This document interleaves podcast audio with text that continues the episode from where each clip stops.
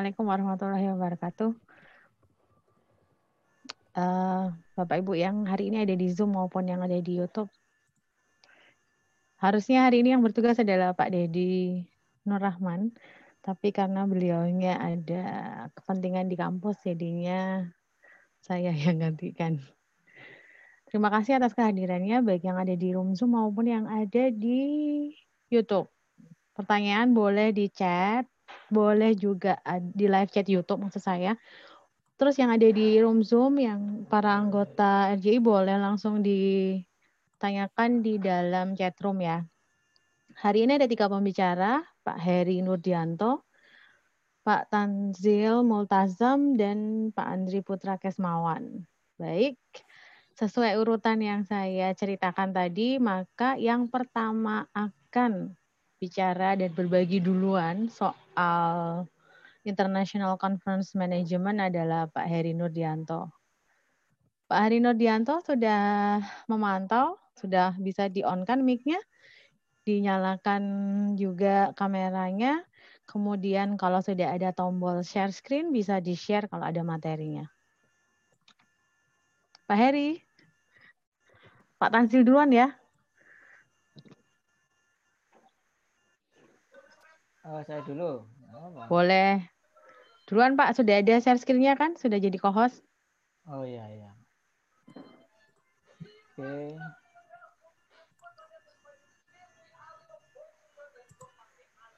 Oke, saya mulai ya. Assalamualaikum warahmatullahi wabarakatuh. Waalaikumsalam warahmatullahi wabarakatuh.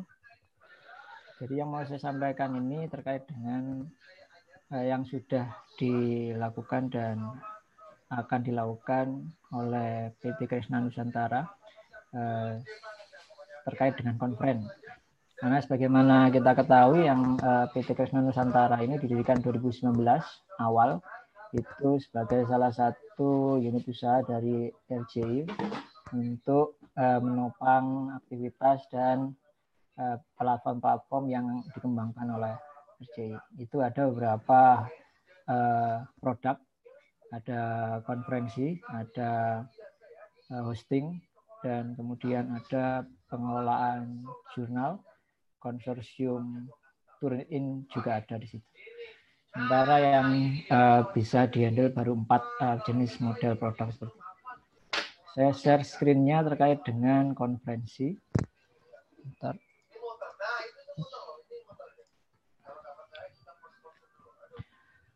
Oke. Okay. Sudah bisa kelihatan, Bu Sulit? Bisa. Ya. Oke, saya lanjutkan ya. Jadi ini terkait dengan konferensi saja. Tadi sudah kita bahas yakni terkait dengan PT Kresnanya ini. Berdirinya 2019, jadi sudah setahun lebih. Cuman kita baru mulai aktif di tahun 2020. Kemudian eh, untuk tentang konferensi ini ada beberapa servis yang kami tawarkan. Biasanya pengelola, eh, pengelola konferensi atau kampus itu tidak ada waktu melakukan konferensi atau tidak ada infrastruktur, tidak ada sumber daya manusianya atau tidak ada eh, pengetahuan terkait dengan pengelolaan konferensi. Maka dari itu kami menyediakan uh, solusinya di mana di kita kami ada menyediakan infrastruktur, kami sudah punya produk namanya PubEasy Submission System yang bisa dimanfaatkan oleh pengelola konferen untuk sebagai submission system organizer yang di situ bisa langsung melakukan pengecekan berapa artikel yang sudah disubmit dan berapa eh, PPT yang sudah disubmit atau full papernya approval eh, payment proof sampai pada kriya, membuat uh, book of abstract itu bisa dilakukan dengan uh, infrastruktur yang sudah kami bangun yakni PubEasy yang rencananya untuk dikembangkan uh, sebagaimana yang dibikin oleh EasyChair. Kemudian untuk uh, tim ahli yang dimaksud di sini bukan tim ahli pada hari hanya, tapi tim ahli sebelum dan pasca. Sebelum itu biasanya terkait dengan promo, untuk pasca itu terkait dengan uh, publikasi atau luaran-luaran conference, misal jurnal atau proceeding. Jadi preparationnya itu di model seperti ini ya, mulai dari kalau preparation 1, 2, ini sebelum hari H, itu ada pembuatan web dan komunikasi dengan pengelola jurnal atau proceeding yang biasa bekerja sama. Baru kemudian kita melakukan broadcast, komunikasi dengan penulis maupun reviewer, cek plagiasi, admin, yang ini semua dilakukan biasanya di bab isinya. Kemudian yang hari hanya, ini workshop, biasanya ada workshop penulisan artikel ilmiah sebelum atau pasca konferensi. Ini ada di bundlingnya tersebut.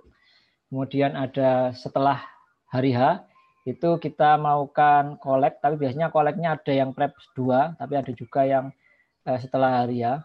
Itu kolek kamera ready papernya, edit metadata juga ada service tersebut, kemudian ada edit artikel, dan kemudian juga ada sortir artikel. Dan yang terakhir tentunya proses komunikasi ke jurnal atau proceeding.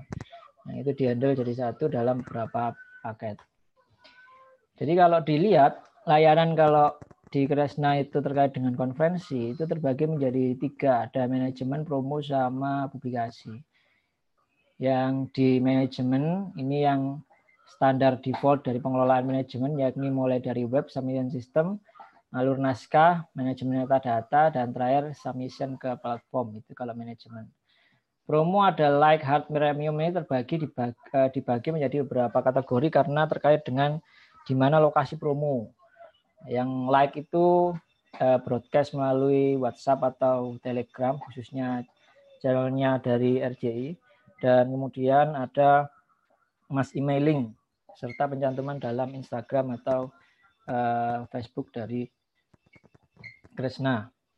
Kalau yang hard itu ditambah dengan uh, Google AdSense dan Facebook AdSense.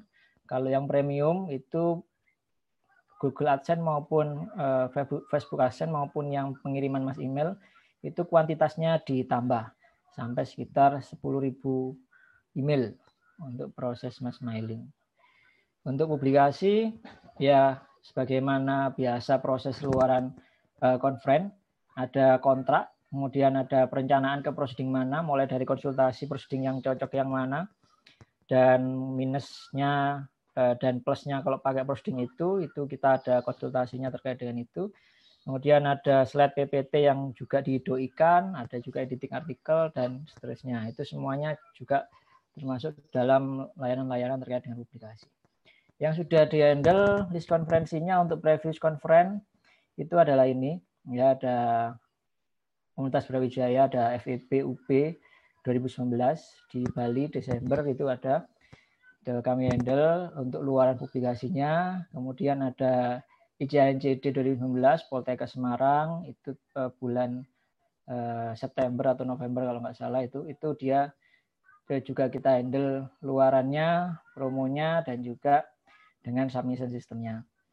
Kemudian ada Unusa Surabaya itu ada SIHC 2016 itu manajemen uh, metadata handling sama luaran itu ada di SCC 2019. Kemudian kalau ICAS PGS di Universitas Indonesia ini hanya menghandle luarannya saja.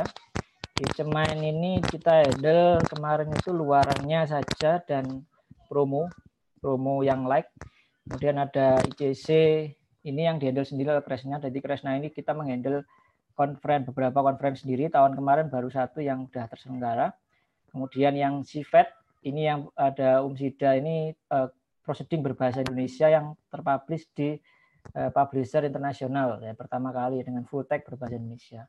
Ini GFED 2019 yang tahun ini sepertinya akan coba diselenggarakan kembali. Kemudian ada CETSA 2019.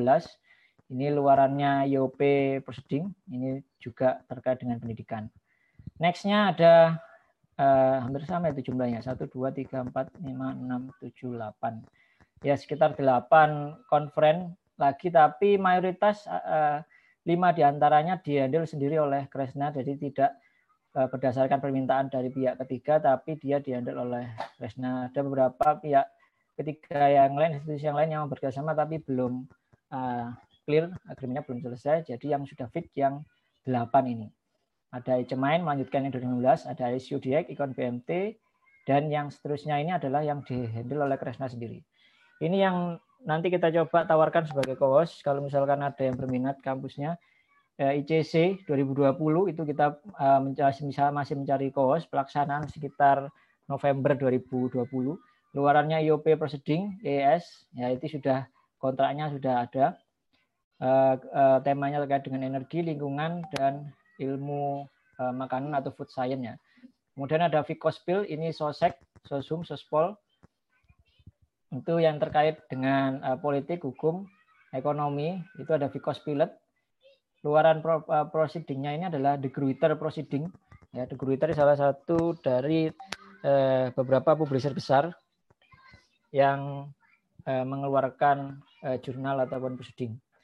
ECRS ini kita coba mengawali mau membuat suatu proceeding series yang nantinya akan diindekskan ke Web Science. Jadi kita mengadakan yang namanya konferen-konferen dengan luaran proceeding yang diterbitkan oleh LCI sendiri maupun Kresna sendiri. ICRS ini terkait dengan religious study.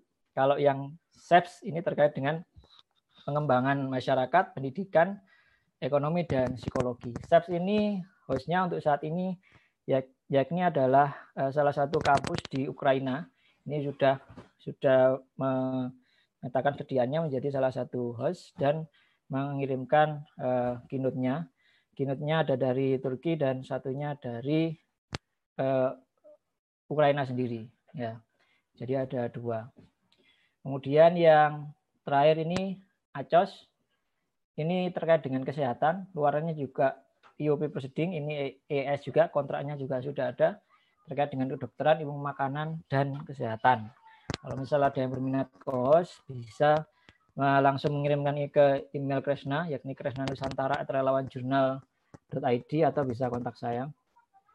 Apa ketentuan kos? Ketentuan kos ini pertama yang jelas keuntungannya ada diskon 10% untuk biaya publikasi bagi semua artikel dari kos tersebut yang disubmit diskon 10% ya. Jadi kalau biayanya 2 juta setengah per paper atau 1 juta 750 berarti ada potongan 10% dari biaya tersebut. Pencantuman logo atau nama institusi pada web media publikasi dan proceedingnya. Jadi kalau kita merupakan proceeding yang terbit di IOP, maka nanti di web IOP-nya itu juga ada nama kampus Bapak Ibu. Ada juga logonya untuk di media publikasi dan ada logonya di web dan BOA. Nah, itu juga ada muncul juga nanti. Dokumen MOU dan yang diperlukan nanti kita bisa uh, kondisikan. Kemudian kewajiban membayar biaya publikasi untuk minimal 10 artikel. Jadi pada waktu deal MOU maka sudah harus mempersiapkan untuk membayar minimal 10 artikel. Karena itu syarat minimal sebagai host adalah mengirimkan paper sejumlah 10 artikel setelah MOU ditandatangani. Jadi kewajibannya hanya itu aja untuk yang kalau uh, misal ada yang mau disampaikan, didiskusikan, bisa kontak saya. Misalkan mau dirancang bagaimana terkait dengan konferennya yang yang ingin dijadikan sebagai host. Ya, itu saja mungkin penyampaian dari saya. Kalau mungkin nanti ada pertanyaan bisa langsung WA atau kirim ke email tersebut. Ya. Uh, bisa dilanjut mungkin Bu Sulit. Terima kasih. Assalamualaikum warahmatullahi wabarakatuh.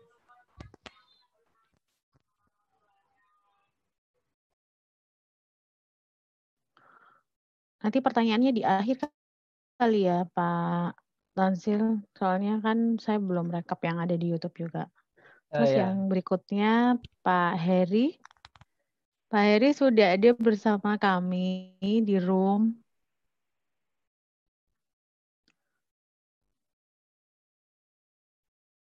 Terima kasih Mbak Zul. Selamat siang. Assalamualaikum warahmatullahi wabarakatuh uh, di sini saya dimintain tolong untuk berbagi tentang karakteristik dari uh, publisher conference yang selama ini kita kenal. Jadi uh, ada beberapa karakteristik atau macam-macam dari publisher dan mereka memiliki karakteristik uh, yang berbeda-beda dan tidak bisa digeneralkan atau disamaratakan antara uh, satu publisher dengan publisher yang lainnya. Uh, ini adalah uh, beberapa contoh publisher yang familiar di mana? Di Indonesia.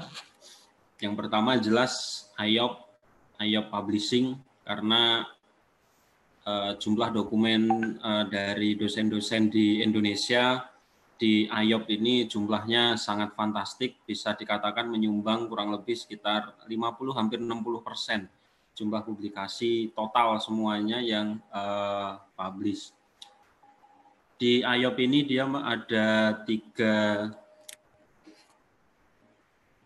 tiga series tiga series conference. Yang pertama adalah JPCS itu jelas yang sering dijadikan sebagai tujuan eh, apa untuk me mempublish dari hasil uh, conference yang ada di Indonesia. Terus yang kedua adalah MSE atau Material Science Engineering. Uh, itu skupnya juga tidak tidak sebanyak JPCS, tapi memang uh, itu menjadi salah satu alternatif dari IOP Publishing. Terus yang ketiga adalah ES atau Earth Environment Science ini juga uh, bagian dari IOP Publishing. Terus yang berikutnya uh, itu adalah IEEE. Ini uh, khusus, memang ini dikhususkan Uh, kalau IOP ini sebenarnya banyak sekali tema-tema yang bisa diakomodasi, nanti bisa dilihat uh, scope temanya. Kalau di IEEE ini dia khusus untuk bidang elektronika, komputer, eh, dan bidang-bidang teknik khususnya. Jadi eh, tidak semua bidang ilmu bisa masuk ke IEEE dan seleksinya juga lumayan agak ribet untuk mengajukan eh, apa namanya proposal kalau pengen konferensinya di dipublish di IEEE Digital Library-nya.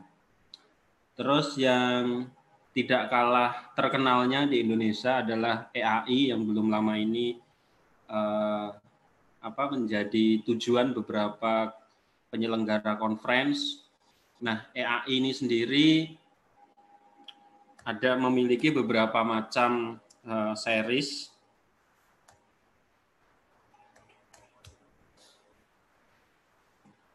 Eh, di mana setiap series ini tidak semuanya dia terindeks ke Scopus. Nah, terkait dengan uh, eh, EAI, jadi dilihat kontraknya, dilihat kontraknya, apakah kontrak yang didapat itu seriesnya yang mana? Karena tidak semua series yang ada di EAI itu terindeks di Scopus. Terus yang Berikutnya adalah CRC Press dari Tyler Francis. Ini juga uh, sama dengan EAI, dia modelnya adalah book chapter.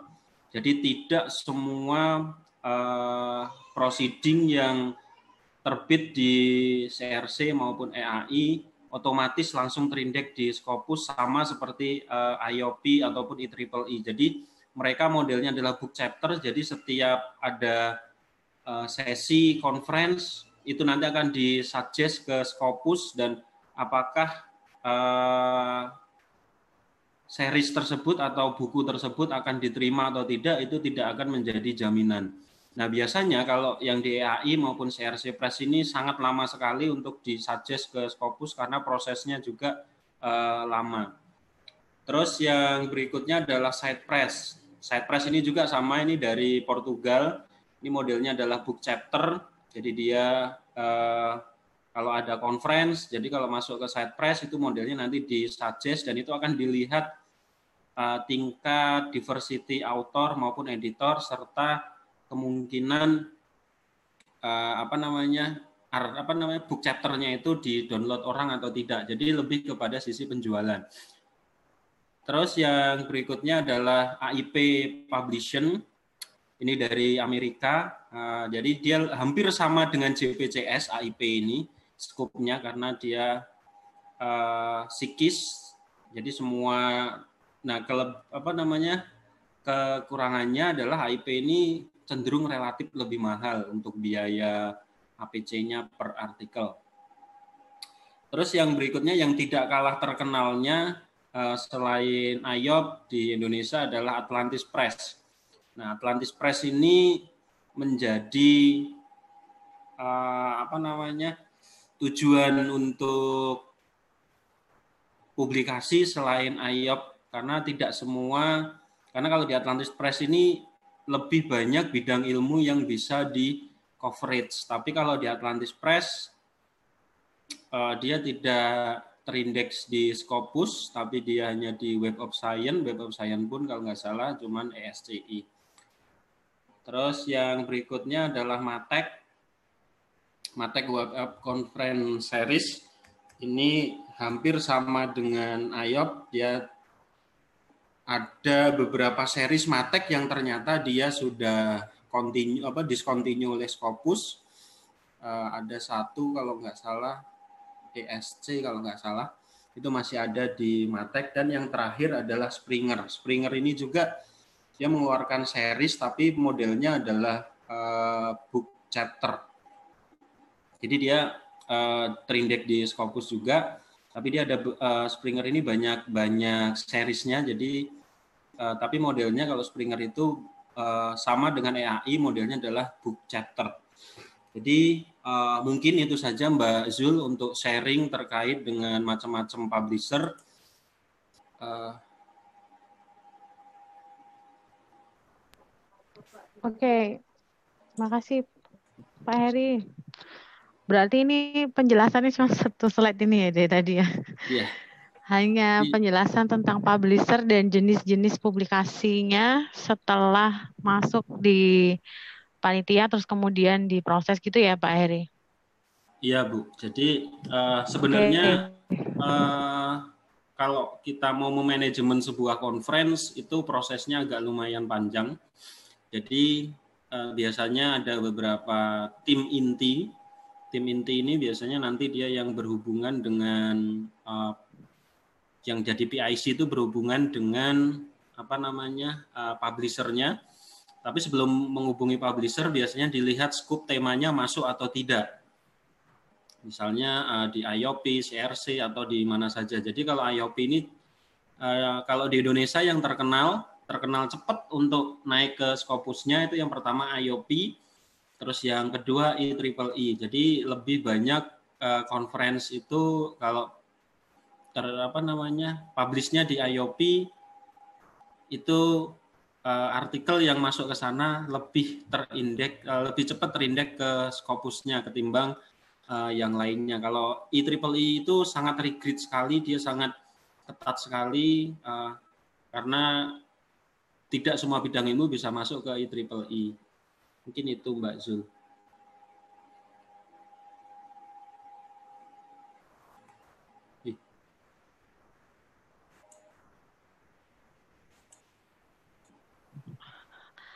Baik Pak Heri, kalau begitu uh, ada beberapa pertanyaan yang sudah masuk, tapi kita simpan dulu untuk nanti setelah penjelasan dari Mas Andri ya. Silakan Mas Andri. Ya. Assalamualaikum warahmatullahi wabarakatuh. Waalaikumsalam. Yang salam sejahtera untuk kita semua. Yang saya hormati Pak Anzil, Mas Heri, Pak Arbain, dan teman-teman Dewan Pengawas RJI yang ikut acara ini. ada Mas Busro, ada Bang Fajrin, ada Mas Arif, ada Prof. Arif eh, dari UIN Jakarta, dan teman-teman lainnya. Jadi, oh, terima kasih sudah ikut acara ini. Jadi acara ini kita selenggarakan untuk uh, menegaskan bahwa uh, Kresna dan RJI itu kita sama-sama satu jalan, cuman yang satunya jalannya ke kanan untuk cari uh, apa namanya bonding, cari dana, sementara satunya jalan ke kiri untuk cari um, apa namanya uh, oh, cari amal itu kita di RJ. nah pada kesempatan kali ini saya sedikit membahas mengenai um, apa namanya mengenai uh, RJI perkembangan RJI sampai saat ini. Jadi um, untuk yang update terbaru ada tambahan-tambahan rekan-rekan anggota RJI yang kita ajak kembali menjadi associate editor. Uh, kalau tidak salah ada tiga atau empat. Jadi sekarang sudah ada associate editornya sudah menambah jadi 15 dan editornya sudah menambah lagi tambah satu. Uh, jadi sekarang editor DOAJ di uh, Indonesia uh, apa namanya yang beliau juga anggota RJI ada dua yakni Pak Ikhwan Arif dan Pak Muhammad Ratodi. Sementara yang di Crossref masih Pak Tanzil dan Pak uh, Todi dan uh, berikutnya teman-teman uh, tutor atau teman-teman anggota RJI sampai sekarang sudah ada 243 dan yang terbaru ada rekrutmen anggota, um, uh, beberapa masih dalam proses pengajuan. Nah, updating data member Crossref uh, yang mengurus DOI lewat RJI itu sampai sekarang sudah ada 1096. Nah, uh, uh, ini dari Indonesia dan juga ada dari luar negeri itu karena uh, sebagai sponsoring organisasinya Crossref itu RJI tidak hanya um, apa namanya uh, menerima untuk pendaftaran DOI dan uh, support uh, mengenai DOI dan crossref uh, service tidak hanya dari Indonesia saja tapi bisa dari luar. Kemarin saya dapat informasi dari Pak Arbain ada ada dua atau tiga dari luar negeri yang sudah mengurus DOI-nya lewat RJI. Nah, um, uh, perlu saya ceritakan kembali bahwa RJI sampai sekarang masih masih fokus di pendampingan jurnal. Ya pendampingannya tidak um, apa namanya masih masih dilakukan oleh teman-teman anggota baik perguruan tinggi atau institusi yang langsung menghubungi anggota RJI atau yang uh, uh, di daerah-daerah melalui pengurus daerah atau ada yang langsung melalui um, apa namanya um, melalui kita di RJI pusat. Nah, sampai saat ini ada 35 uh, eh, perguruan tinggi yang kerjasama dengan kita. Kemarin sudah dihubungi untuk uh, pelakuan pendampingan secara daring menggunakan uh, Zoom maupun menggunakan apa namanya menggunakan uh, Google Meet. Jadi bisa uh, pendampingan melalui itu. Nah, yang terakhir kemarin saya setiap hari Selasa ya, saya dan teman-teman di pusat setiap hari Selasa Eh, saya Pak Arbain dan beberapa rekan lainnya itu juga mendampingi ada salah satu eh, apa namanya organisasi namanya Teach Me ya itu Bursa Efek Indonesia juga um, apa namanya kita dampingi uh, setiap hari Selasa jadi um, uh, apa namanya pendampingan setup pendampingan uh, konten pendampingan uh, pendaftaran akreditasi itu setiap hari Selasa lewat Zoom eh, satu jam sampai satu jam setengah itu itu kita lakukan seperti itu. Terus yang kedua kita RJI menyelenggarakan pendidikan ini nanti rencana kita mau buat sekolah jurnal itu yang sekarang lagi digodok. Eh, yang ketiga kita ada buat lembaga sertifikasi. Kemarin sudah dibantu banyak oleh Mas Arief dan timnya. LSP LSP ini nanti jadi uh, apa namanya salah satu uh, cara untuk mengevaluasi anggota. Anggota kita ada banyak ya uh, yang tergabung di anggota itu dari pengurus pengurus dan yang sebelumnya ikut TOT tutor itu ada 500-an lebih. Nah itu nanti semuanya akan dievaluasi melalui uh, lembaga sertifikasi. nah uh, selain core core-nya RJI di pendampingan jurnal, maka kita juga uh, beralih ke bagian-bagian uh, yang lebih akademis gitu ya, yang yang yang mana kita juga bulan Februari melaunching pusat studi di Surabaya. Pusat studi ini nanti harapannya sebagai uh, pusat kajian publikasi ilmiah di Indonesia. Artinya orang-orang nanti ketika mau tanya uh, soal publikasi ilmiah di Indonesia, bagaimana roadmap-nya, itu nanti semua akan digodok di pusat studi itu yang uh, dibantu oleh teman-teman uh, Mas Erik, Pak Todi, uh, Pak Eko dan Pak Juneman dan kawan-kawan tim uh, di pusat studi. Nah, ini rencana kita. Jadi yang saat ini lagi lagi proses itu kemarin kita juga kerjasama dengan Crossref dan Orchid untuk get data ya, uh, ngambil data, uh, sharing data dari mereka untuk di, kita masukkan ke dalam uh, indeksasinya RJI. Jadi um, apa namanya jurnal-jurnal yang mengurus DOI melalui atau institusi yang mengurus DOI melalui RJI nanti akan diarahkan pasang logo RJI gitu tapi nanti ya nanti setelah RJ indeksnya jadi gitu. Nah itu akan diatur ke sana dan jurnal-jurnal um, atau uh, apa namanya institusi yang yang saat ini sedang dalam proses pendampingan oleh RJI maka silahkan menampilkan logo RJI. Gitu. Logo RJI tidak ditampilkan sebagai uh, indeks ya bukan, tapi sebagai supervisi atau sebagai uh, partner ini atau sebagai uh, support untuk uh, pengelolaan jurnal yang Bapak Ibu kelola. Nah, eh, selanjutnya di eh, ini, jadi terkait dengan conference yang Krishna eh, lakukan saat ini, itu kerjasama kita selalu bersinergi ya dengan antara RJI dan Krishna untuk melakukan apa namanya melakukan kegiatan-kegiatan yang dilakukan oleh Krishna, terutama handle conference ya. nah, bagi teman-teman anggota RJI itu uh, ada open recruitment itu ya sebagai PIC ya sebagai penanggung jawab untuk handle sebuah uh, conference yang yang apa namanya yang uh, diselenggarakan atau yang kerjasama dengan Krishna gitu. sehingga tidak ada lagi suara-suara di luar atau suara-suara disumbang di sana bahwa Krishna adalah uh, apa namanya dimonopoli oleh beberapa orang tertentu enggak. Jadi semua anggota semua anggota bisa uh, terlibat di sana terlibat sebagai uh, apa namanya sebagai admin bisa atau sebagai uh, marketing boleh atau sebagai um, apa namanya sebagai penanggung jawab event juga silakan.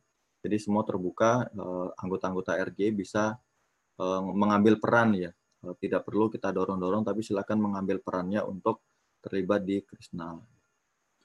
Nah, um, um, apa namanya itu ya itu yang yang uh, ini jadi nanti uh, ke depan event-event um, yang uh, bapak ibu uh, dari dari perguruan tinggi atau yang yang punya pengambil kebijakan itu silakan nanti uh, ketika ketika tahun depan atau tahun ini mau menyelenggarakan conference bisa uh, apa namanya bisa bersama kami ya bersama kami di uh, RJ Krishna bisa kontak kami atau bisa langsung langsung kontak ke Krishna.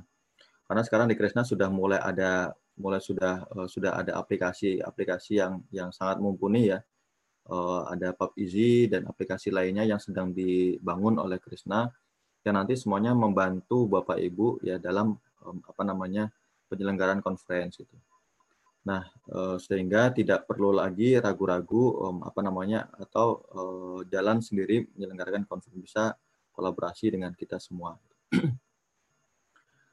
Nah, uh, saya kira itu Bu uh, Bu Lydia terkait dengan penjelasan ini. Untuk hal yang teknis, bagaimana bagaimana mempersiapkan conference, bagaimana bagaimana menghubungi conference, saya kira sudah ada ahlinya. Ada Mas Heri, ada Pak Tanzil, dan ada rekan-rekan nanti uh, saya kira ada di di room Zoom ini ada ada banyak itu nanti yang bisa sharing pengalaman terkait dengan uh, hal itu. Saya kira demikian dari saya, eh, Mbak Lydia. Terima kasih. Assalamualaikum warahmatullahi wabarakatuh. Waalaikumsalam warahmatullahi wabarakatuh. Terima kasih, Mas Andri. Baik, Bapak Ibu, kita lanjutkan ke sesi selanjutnya, yaitu tanya jawab. Di sini sudah ada beberapa yang bertanya. Yang pertama ini ada dari Pak Bapak Sande Ade ya. Sebentar. Saya ini ke bawah. Oke. Ini tanyanya mungkin ke siapa ini nanyanya? Ini kayaknya nama, nanyanya ke Pak Tansil ini. Apakah ada contoh proposal untuk ke publisher atau ke Pak Heri ini nanya? Boleh silakan Pak Heri atau Pak Tansil dulu. Atau mungkin Pak Sande Ade sudah ada yang, ini kan karena di room ya. Silakan langsung menyalakan mic-nya untuk kemudian bertanya langsung. Proposal yang seperti apa yang dimaksudkan Bapak? Masih ada nggak di sini? Kalau nggak ada, saya wakilkan pertanyaannya. Halo. Dan silakan dijawab Pak Heri. Ada Oke. kayaknya Mbak Zul. Halo. Ada Iya, Pak. ya? Silakan, Pak. Ya, silakan. Terima kasih. Selamat siang kawan-kawan semuanya. Eh, saya mau bertanya tentang proposal. Kita kan mengajukan ke publisher kan mereka minta kita ngirim proposal tuh. Terkadang kan proposal itu banyak yang tidak sesuai dengan mereka. Ada nggak contoh yang bisa yang sesuai dengan kemauan mereka supaya eh, kita bisa bergandeng dengan mereka sebagai publisher kita gitu, Pak? Kalau untuk proposal mungkin sifatnya agak ini Pak, mohon maaf sifatnya agak private ya. Tapi eh, contohnya adalah usahakan dalam satu proposal itu pada bagian awal itu Bapak memperkenalkan diri. Jadi misalnya Bapak punya conference mau dimasukkan ke IOP misalnya. IOP itu bisa lewat sini Pak. Jadi eh, usahakan yang pertama jangan menggunakan email gratisan, itu yang pertama. Yang kedua, eh, usahakan tampilan webnya sudah sudah lengkap. Jadi sudah lengkap, sudah temanya juga di situ sudah muncul semua. Terus jangan lupa untuk steering komitenya juga harus lengkap dan dipenuhi eh, sesuai standar internasional yaitu empat negara atau empat benua itu silahkan dipenuhi steering komitenya. Nah, terus kalau sudah itu bisa dibuka di alamannya di coms.iop.org. Ini ini misalnya IOP. Iya. Nah, silahkan diisikan nama kontaknya di sini, terus di sini dipilih negara, ya eh, nama depan, nama belakang, email address, terus eh, judul konferensinya apa, terus pengen publish di mana. Nah, kalau pengen mengetahui uh, scoop tema yang di coverage oleh IOP atau misalnya JPCS, EES atau MSE, silahkan dibuka di IOP Publishing di setiap seriesnya itu dilihat aim scoop-nya masing-masing apakah masuk atau tidak. Terus yang tidak kalah penting adalah alamat conference uh, websitenya karena mereka akan ngecek akan akan dibuka satu-satu uh, terkait dengan kelengkapan. Terus kapan uh, conference itu dilaksanakan, uh, dimulai kapan, terus diakhiri kapan. Nah, uh, lokasi konferensinya mau diselenggarakan di mana? Nah, terus yang berikutnya adalah perkiraan. Misalnya Bapak punya target berapa di konferensinya, mau me, uh, mentarget uh, di konferensinya 50 paper ya silahkan di sini diisi 50. Ya, di sini diisi 50. Kalau uh, tidak terpenuhi ya ya enggak, enggak apa-apa karena di IOP itu dia tidak ada sistem uh, berbeda dengan yang Atlantis dan yang, yang lainnya karena dia ada jumlah minimalnya. Nah, silahkan diisi.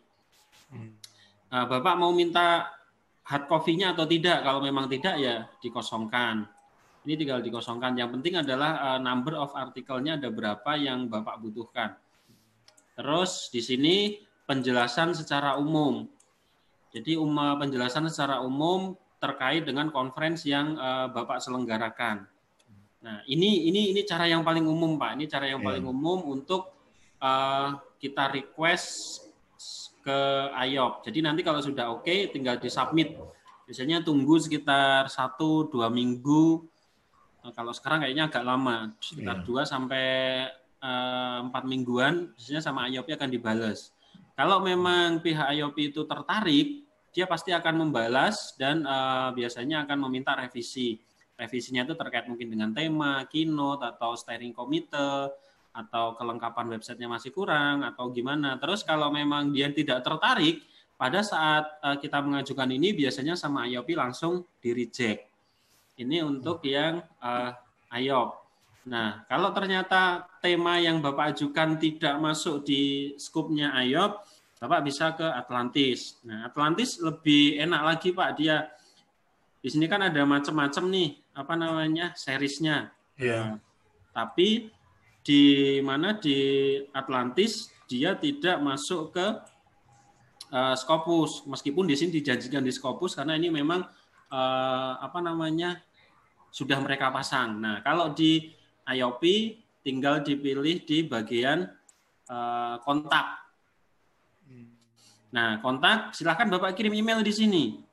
Kirim email seperti biasa kalau kita kirim email itu kan yeah. pasti yang uh, paragraf pertama kita memperkenalkan diri dari mana yeah. terus langkah yang kedua kita uh, mengajukan uh, mengajukan kerjasama dengan menyebutkan uh, apa namanya tema dari conference kita kapan akan diadakan dan lain yeah. sebagainya terus yang terakhir adalah penutup nah biasanya sama sama Deborah. Deborah itu kalau uh, di mana di Atlantis itu akan dibalas. Nanti biasanya dia akan ditanyakan uh, kalau sudah oke okay, sama mereka biasanya langsung dikirimkan draft proposal langsung Pak kalau kalau Atlantis sifatnya. Jadi langsung dikirimkan sama dia draftnya silahkan dibaca terus terkait dengan biaya dan lain sebagainya nanti dicermati untuk di Atlantis. Terus kalau di EAI sama di, AI pun sama kita bisa uh, kita kirim email ke kontaknya kontaknya ya,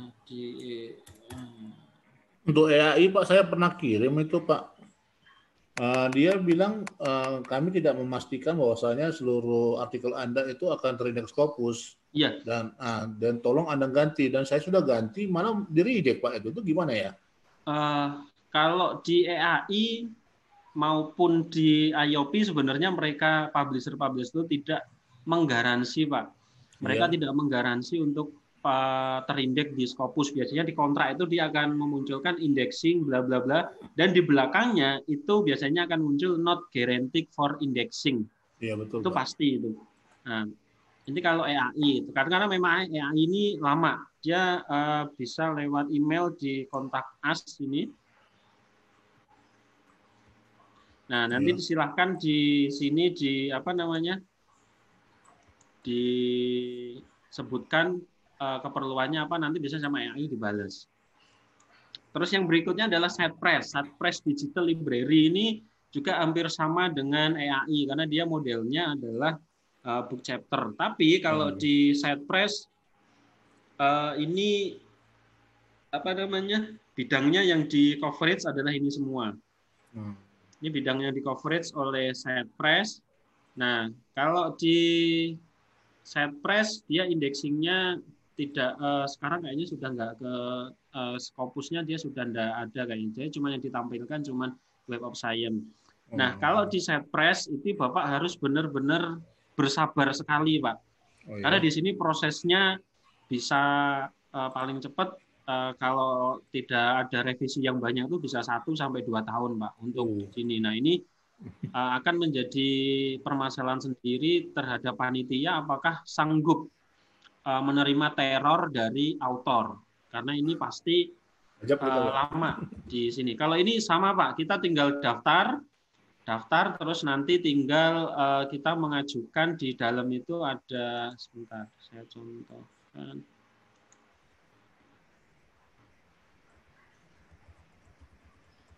Nah, jadi tinggal nanti masuk ke my proceeding, di situ kita tinggal ajukan suggest uh, proposal. Nanti akan dilihat uh, prosesnya seperti apa di sini.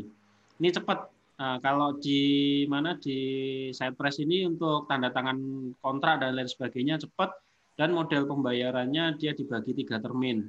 Jadi ada termin hmm. pertama, termin kedua, dan termin ketiga. Termin pertama itu biasanya waktu kita kontrak itu diminta 35 persen. Terus yang kedua waktu kita kirim artikel itu 30 lima persen juga dan hmm. yang terakhir waktu uh, publish atau terindeks saya lupa itu 30 persen jadi di uh, side press seperti ini hmm, ya nah terus kalau CRC CRC press ini kita tinggal buka di customer service-nya terus kita support areanya kita pilih conference kita sebutkan email kita terus kita ajukan di sini sama seperti kita ngirim email hmm. di e yeah. tadi nah nanti akan dibalas oleh uh, apa namanya CRC apakah uh, apa namanya proposal yang kita ajukan diterima atau tidak atau uh, menurut mereka menjual atau tidak conference yang kita selenggarakan nah kalau di AIP IP itu tinggal silakan buka IP uh, eh, citation.org. Nanti silahkan kirim email di con conv.proc@aip.org. Jadi formatnya sama kita dengan menggunakan di EDUL tadi. Kita kirim email di sini. Kalau memang dia tertarik nanti akan dikirimkan draftnya. Hmm. Nah, ini mungkin contoh beberapa publisher yang bisa di uh, Bapak uh, kontak sesuai dengan apa namanya uh, tema dari yang conference Bapak ajukan. Hmm. Mungkin itu saja Pak dari okay. saya. Terima kasih Pak. Kalau terkait contoh proposal, mohon maaf Pak itu kayaknya agak apa namanya agak sedikit sensitif nanti uh, ke mana-kemananya. Baik. Okay, thank you bisa menghubungi ke nomor Kresna Pak ya nanti untuk dibantu selanjutnya. Siap, siap. Oke, terima kasih Pak Heri. Ada lagi nih mungkin Pak Tansil mau nambahin? Ya, nambahin. Silakan. Oh ini tadi ada pertanyaan dari Pak Sandiadi juga ya. Bisa iya, tidak pendampingan tanpa harus membuat logo RJI? Nggak apa-apa, kan harusnya malah nggak pakai logo. Logonya tampilin jurnal gitu. Iya, itu ada pertanyaannya gitu kan. Iya pak. Dampingan tanpa harus membuat karena sebenarnya logo RJI di jurnal itu kan nggak nggak ada nggak ada keharusan pak. Ma mana tahu mana tahu pak karena ada logo RJI bisa masuk sita satu gitu pak. Gak ada pak, nggak ada keharusan. Justru malah kalau ada logo RJI itu malah menjadi diperiksa lebih teliti pak. iya, harusnya malah nggak jadi cantum RJI-nya. Kemudian okay, okay. ini terkait dengan konferensi tadi nambahi Pak Eri. Jadi uh, beberapa hari lalu itu saya share screen ya. Nah. Oh ya ini terkait dengan Atlantis. Tadi saya nambah Atlantis sekarang nggak lewat email langsung Pak, tapi bikin akun dulu kayak. Iya, iya Pak, tes. betul. Iya, iya, bikin akun dulu jadi kita kayak gini. Jadi uh, kalau saran saya sih komunikasi dengan berbagai macam publisher itu sebetulnya sederhana Pak. Sederhananya itu mereka itu sebetulnya butuh uang. Gitu Hmm. Jadi istilahnya mereka itu kan perusahaan. Jadi tinggal Bapak bagaimana mengkomunikasikan apakah uh, konferen tersebut sesuai dengan skupnya mereka dan ketika mereka menerbitkan konferen Bapak mereka tidak rugi. Rugi dari hmm. sisi kredibilitas. Berarti harus dilihat di konferennya misal kalau misalkan konferennya tentang pendidikan gitu ya jangan terlalu memaksakan ke EOP sebetulnya karena nanti nggak semuanya akan terpublish bahkan ada kemungkinan di reject seutuhnya karena kami ada konferen itu sudah kontrak, sudah keluar, dan ternyata ketika mau disubmit di reject semua, Pak. Oh, gitu. Ya. Iya, karena hmm. dapat kontrak itu belum tentu kita kemudian bisa masuk semua itu apa, apa partikelnya karena bisa hmm. aja kalau nggak sesuai scope mereka ya di reject. Bahkan di beberapa publisher itu IOP CRC itu apa yang disubmit itulah yang kita bayar ke mereka dan tidak ada refund, Pak. Oh gitu ya, Pak ya. Iya. Ya kita hmm. ruginya di kita nanti itu. Iya, betul, kita betul. kirim 50, kita bayar 50, ternyata yang diterima cuma 25, iya. 30. 20-nya iya. menguap. Betul, betul, betul. Yang betul. mereka biaya editing. Nah, iya, iya, Pak, iya. itu kalau diterapkan ke jurnal kita enak itu, Pak. Submission iya, fee. Submission fee. betul, Pak, betul. Ya, iya. mereka pakainya itu soalnya submission fee bahasanya mereka kan. Ya. Jadi makanya itu kita harus hati-hati. Nah, tapi kalau yang tipenya yang bukan series, bukan series itu ya kan jenisnya ada beberapa pak. Ini coba yeah, saya bukakan ya. Wakelet. Kemarin saya sempat ada jelasin terkait dengan uh, series ini di Wakelet saya. Pak Tansil, sambil ya. buka, ini ada pertanyaan juga nih bisa dijawab ya. pakai langsung kok. Kalau proceeding dari EAI berapa lama rata-rata indexing Scopusnya? Indexing Scopus untuk EAI. EAI. Iya. Oh, Heri mungkin bisa langsung jawab sambil nunggu wakeletnya Pak Tansil. Iya, tampil. Wakelet saya. Hilang lagi tuh Pak Heri. Oke, ini ini ini ah ini. EAI berapa lama Pak? EAI tahun, dua EAI, tahun. Gini ya, itu saya saya perlu membahas mulai dari sini dulu. Oh Jadi, gitu ya. Ya udah nanti aja kalau gitu. Kelihatan dah ini? Ya, kelihatan. Ya, ada ada ragam jenis proceeding kan ya? Ada ya. yang namanya proceeding book yang murni, ada proceeding book yang hybrid, ada yang proceeding series. Nah, yang disampaikan Pak Edi tadi itu kan kayak IOP, kemudian AIP, itu yang namanya proceeding series. Ya, Bridging series ini dia melalui evaluasi yang sama seperti jurnal di Scopus. Jadi kalau misalkan mereka dia masuk Scopus, mereka akan pasti muncul di uh, Skimagus sebagai uh, muncul kayak tapi nggak ada kuartilnya, tapi muncul di situ. Ya, hmm. di di di Scopus.com-nya dia juga muncul dalam uh, tipenya sendiri. Nah, jadi proceeding series ini di skema juga dia muncul. Maka dikatakan sebagai proceeding series. Jadi kalau misalkan Bapak terbit di IOP, itu dia nggak ada ISBN Pak di dalam itunya, tapi dia muncul ada ISSN-nya kan, GPCS, IOPMS, itu mesti ada dia ISSN-nya. Tapi nggak ada ISBN-nya. Beda kalau yang hybrid. Hybrid ini contohnya seperti kayak Atlantis. Atlantis ini tipe yang hybrid. Hybrid itu dia ada ISBN dan dia juga ada ISSN. Jadi di dalam ISSN-nya dia yang ada misal kayak ISSR, uh, Social Science itu yang dia seriesnya dia Social Science, di dalamnya situ itu ada uh, beberapa konferen banyak sekali konferen yang dia terbitkan per booknya itu ISBN ISBN sendiri-sendiri. Jadi dia hybrid, ada ISBN, ada ISSN. Dan kemudian yang murni book murni itu kita bisa melihat contohnya seperti Routledge punyanya uh, yang tadi itu Jersey Press ya. Karena namanya kan berubah menjadi uh, Jersey Press, uh, Routledge and Jersey Press. Itu kan dia berubah menjadi begitu namanya. Ini book namanya book book atau book series. Jadi katakan juga book chapter karena ada beberapa bagian di dalamnya terdiri dari artikel-artikel. Nah, ini dia ini tipenya yang book. Lah apa perbedaan dari ketiganya ini? Perbedaan ketiganya ini kalau kita pakai yang series udah dia terindeks Scopus, ketika kita terbit di salah satu seriesnya itu pasti dia sudah ter terindeks Scopus. Tapi kalau kemudian kita book murni, contoh yang book murni itu seperti CRC Press dan EAI, EAI itu juga book murni yang book chapter juga di mana pengajuannya itu per terbit dari isu buku tersebut. Jadi bisa dimasuk, bisa tidak. Dan proses reviewnya itu memakan waktu lama. Bahkan di CRC Press itu 2018 terbit, belum tentu 2019 dia masuk Scopus. Bisa aja dia 2020, 2021. Dan bisa aja nggak masuk. Karena dia beda-beda standarnya.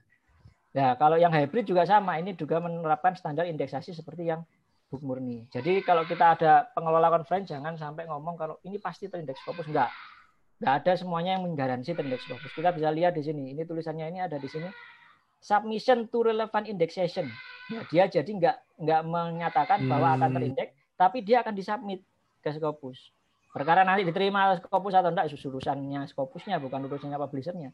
Urusan hmm. publisher itu menerbitkan di publishernya urusan pengelola conference terbitkan di publishernya juga. Jadi kalau sudah terbit di publisher, seharusnya udah selesai di situ tanggung jawab pengelola conference. Nggak perlu dikejar-kejar autor. Kenapa nggak belum terindeks? Kenapa belum terindeks? Nah, harusnya di awal udah ada tulisan bahwa ini nanti akan terbit di publisher misal Atlantis Press dan akan disubmit ke Scopus, bukan akan terindeks di Scopus. Oh iya. iya, iya, itu bahayanya ditulis gitu menyelenggara karena dari kontraknya bunyinya memang gini, nggak ada yang menggaransi 100%. Hmm ya itu mungkin yang bisa uh, saya tapi, tapi mas banyak kan uh, outdoor dia nggak mau ikut acara ikut konferensi kalau nggak terindek fokus itu gimana ngatasinnya ya itu edukasinya pak makanya kan saya selalu sampaikan ini karena yang pasti itu kan cuma tiga fokus yeah. itu akan pasti itu kan hmm. rezeki jodoh dan mati yang pasti pak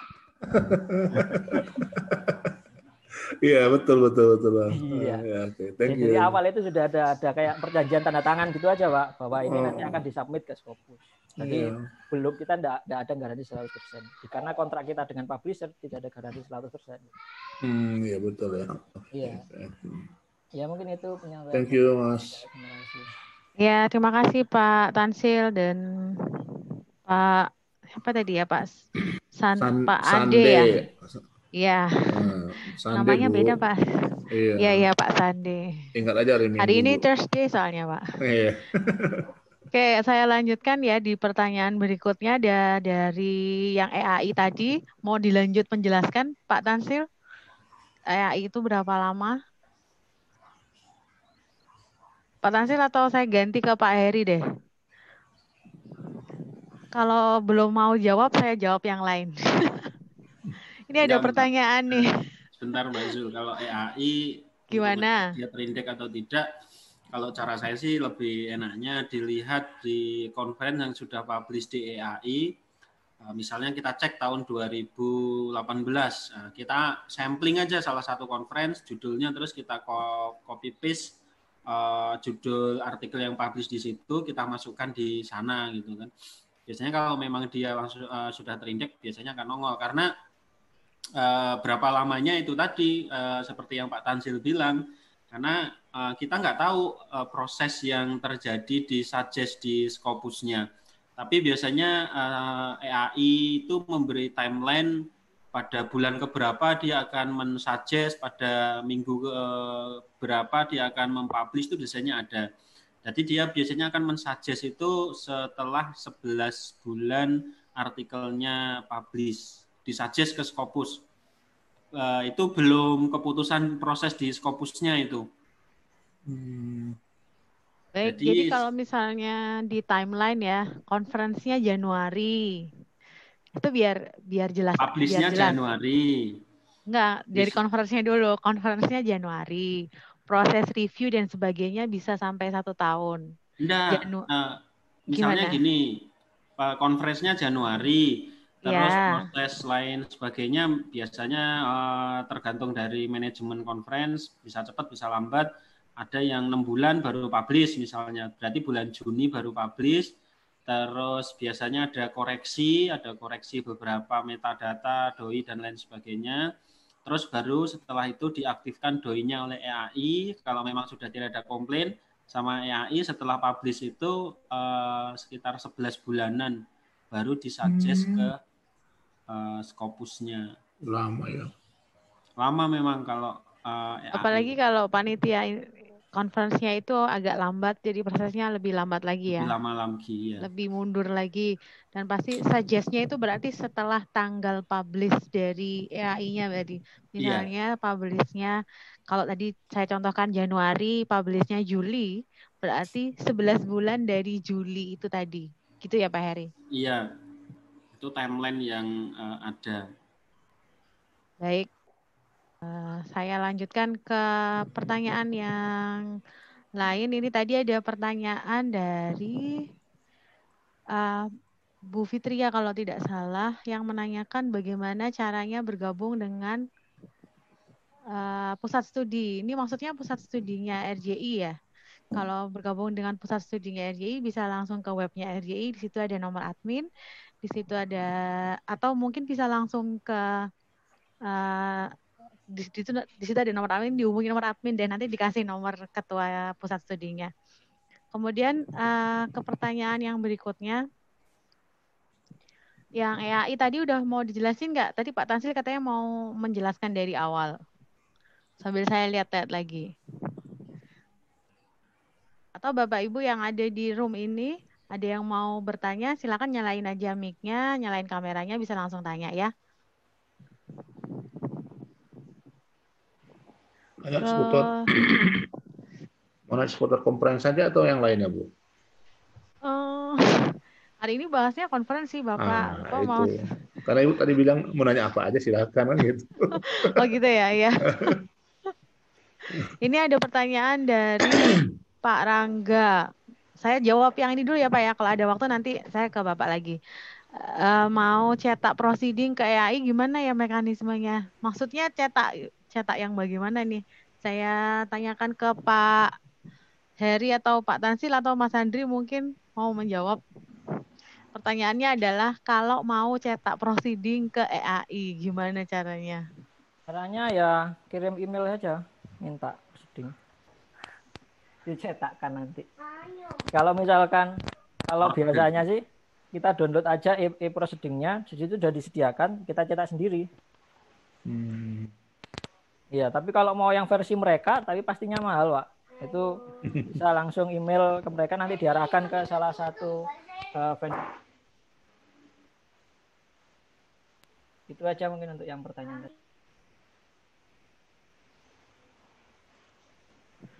Kalau yang ada di Zoom ini tidak ada pertanyaan yang berkaitan dengan ini ya, cuman oh ini ada ini dari Pak Fajrin. Pak Pajrin ada di sini. Pak Pajrin kan nanyanya di Zoom. Pak Pajrin silakan nanya langsung aja.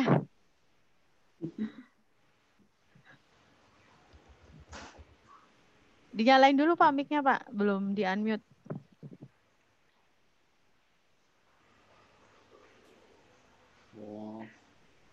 Pak Bazrin ini nanya kekhasan spesifikasi uh, ke publisher gitu. Iya Pak.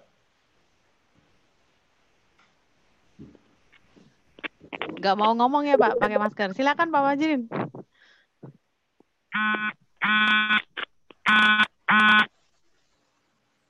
Ya, nggak bisa ngomong Pak Bazrinnya. Nggak dengar Pak, nggak dengar mic-nya mungkin. Dijawab aja lah langsung. Pak Heri atau Pak Tansil yang mau jawab silakan. Pertanyaannya apa itu? Karakteristik komunikasi per publisher Pak Tansil. Kayak penelitiannya pertanyaannya.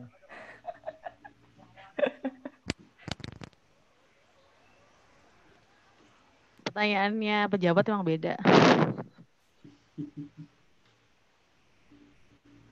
Pak Ari mungkin bisa bisa jawab Pak Ari. Nah, kalau saya sih cara komunikasinya sama saja kan itu kan eh, hanya untuk formalitas kita minta meninjau konferen web konferen kita kan. Kalau kita itu sudah sesuai scope bagus ya pasti udah pasti diterima. Kalau nggak sesuai scope dan kelihatannya nggak nggak kelihatan profesional gitu webnya, yang pasti nggak nggak diterima juga.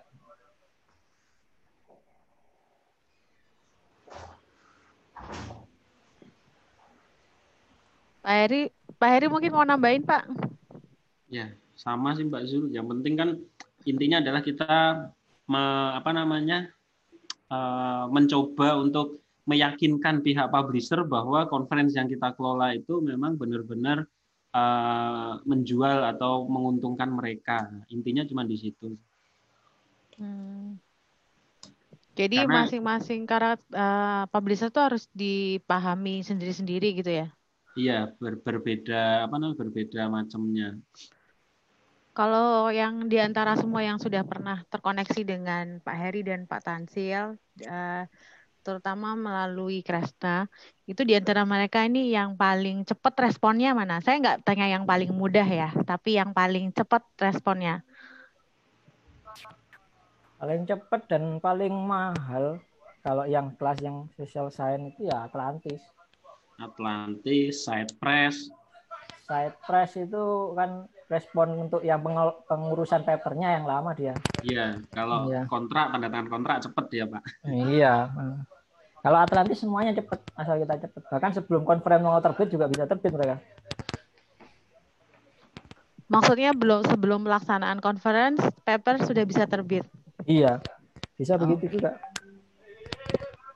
Pokoknya papernya udah jadi, udah terkirimkan sebelumnya berarti ya. Iya, dan cepat sekali nih kerjanya. Nah ini ini sini saya yang belum pernah ini.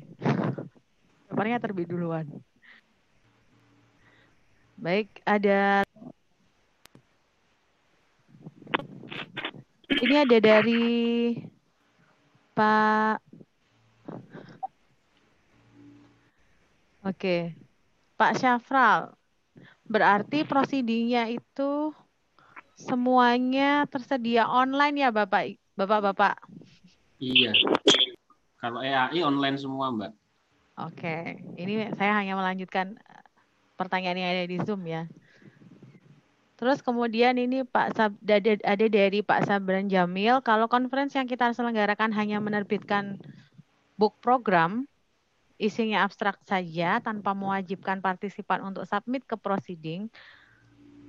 Apabila author mau dapat proceeding ada additional fee applied nggak untuk eligible manuskrip? Apakah itu boleh manajemen conference seperti itu? Jadi biayanya dipisahkan ya.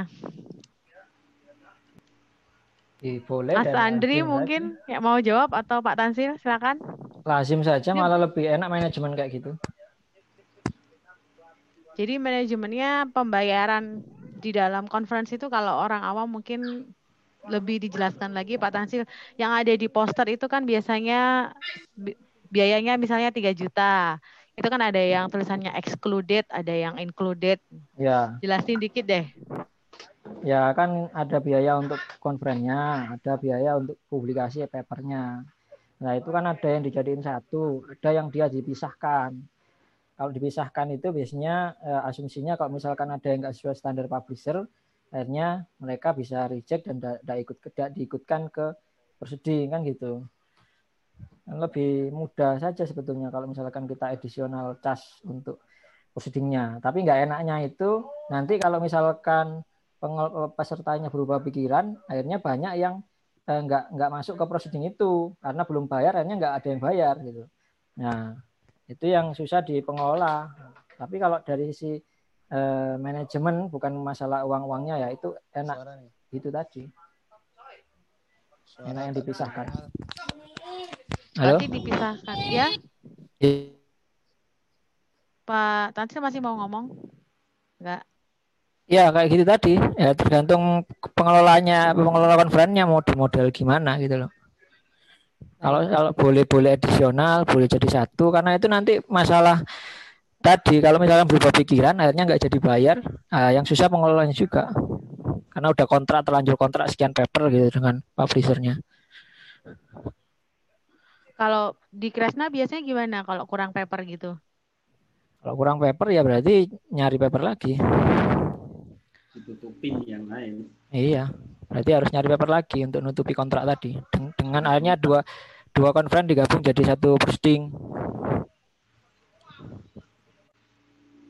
Jadi kalau misalnya itu ada ya kalau misalnya orang mau kontrak sama Kresna ada tulisannya uh, klausul untuk menambah paper itu. ya nanti kan itu tergantung dari pengolahannya mau apa enggak kan gitu loh. Oke baik, karena memang sebenarnya kalau yang lazim itu uh, conference itu kan tempat diseminasi ide, bukan untuk publikasi sebenarnya awalnya. Karena kalau publikasi memang harusnya di jurnal, tapi karena culture kita sudah mulai berubah, jadi uh, mungkin masih banyak orang yang menganggap bahwa conference itu adalah akhir dari sebuah paper atau akhir dari sebuah penelitian. Bisa nanti direncanakan saja untuk mengedukasi semuanya ya. Uh, kemudian ya. ya ada pertanyaan gimana Pak Tansi mau nambahin? Ya enggak, tadi tertarik dengan jawab uh, statementnya tadi itu makanya kenapa yang konferensi selanjutnya itu yang uh, CEP sama ICRS kita nyoba bikin uh, posting lokal sendiri. Berarti jadi pesertanya internasional tapi luarannya lokal dan itu akan kita submit sendiri ke indexing. Jadi enggak ada ceritanya di situ uh, lama karena prosesnya cepat karena diterbitkan langsung di posting kita kita sendiri gitu. Jadi di, ide awalnya untuk diseminasi tadi lebih ditekankan. Misal posternya, videonya diserkan lewat YouTube, Instagram dan lain sebagainya. Jadi diseminasi idenya lebih luas ya karena kayak kan proceeding kan ya. Nah, itu yang mau kita tekankan di next event yang kita bikin sendiri bukan yang host. Karena kalau yang host dengan yang kampus-kampus lain pastinya yang kampus lain mintanya yang eh, terindeks, bereputasi dan lain sebagainya. Dan mintanya instan itu kayak harus digaris bawah itu dan mintanya instan. Instannya seperti apa itu boleh dijelaskan, Pak? Ya kan minta setelah terbit langsung uh, terindeks Scopus kan gitu-gitu itu. Itu kan instan Padahal kan di situ ada prosesnya kan kayak tadi kan seperti Spiri sampaikan ada waktunya terminnya bisa satu tahun. Bahkan ada yang ya itu 2018 terbit sampai sekarang belum terindeks di Scopus maupun mas masih terindeks di ProQuest di situ. Karena memang ya itu kan dia nyabitkan ke empat atau lima indexing kan itu ya setelah dia terbit kan. Dan itu pun dia submitkan setahun setelah terbit. Nah itu bayangkan itu kan jadi lama banget itu. Ya.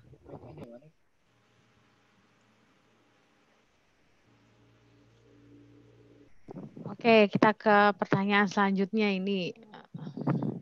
Ada dari Muhammad Rizky perhitungan biaya publikasi per paper nanti ditetapkan oleh publisher atau pengelola conference? Pak Heri mungkin gantian.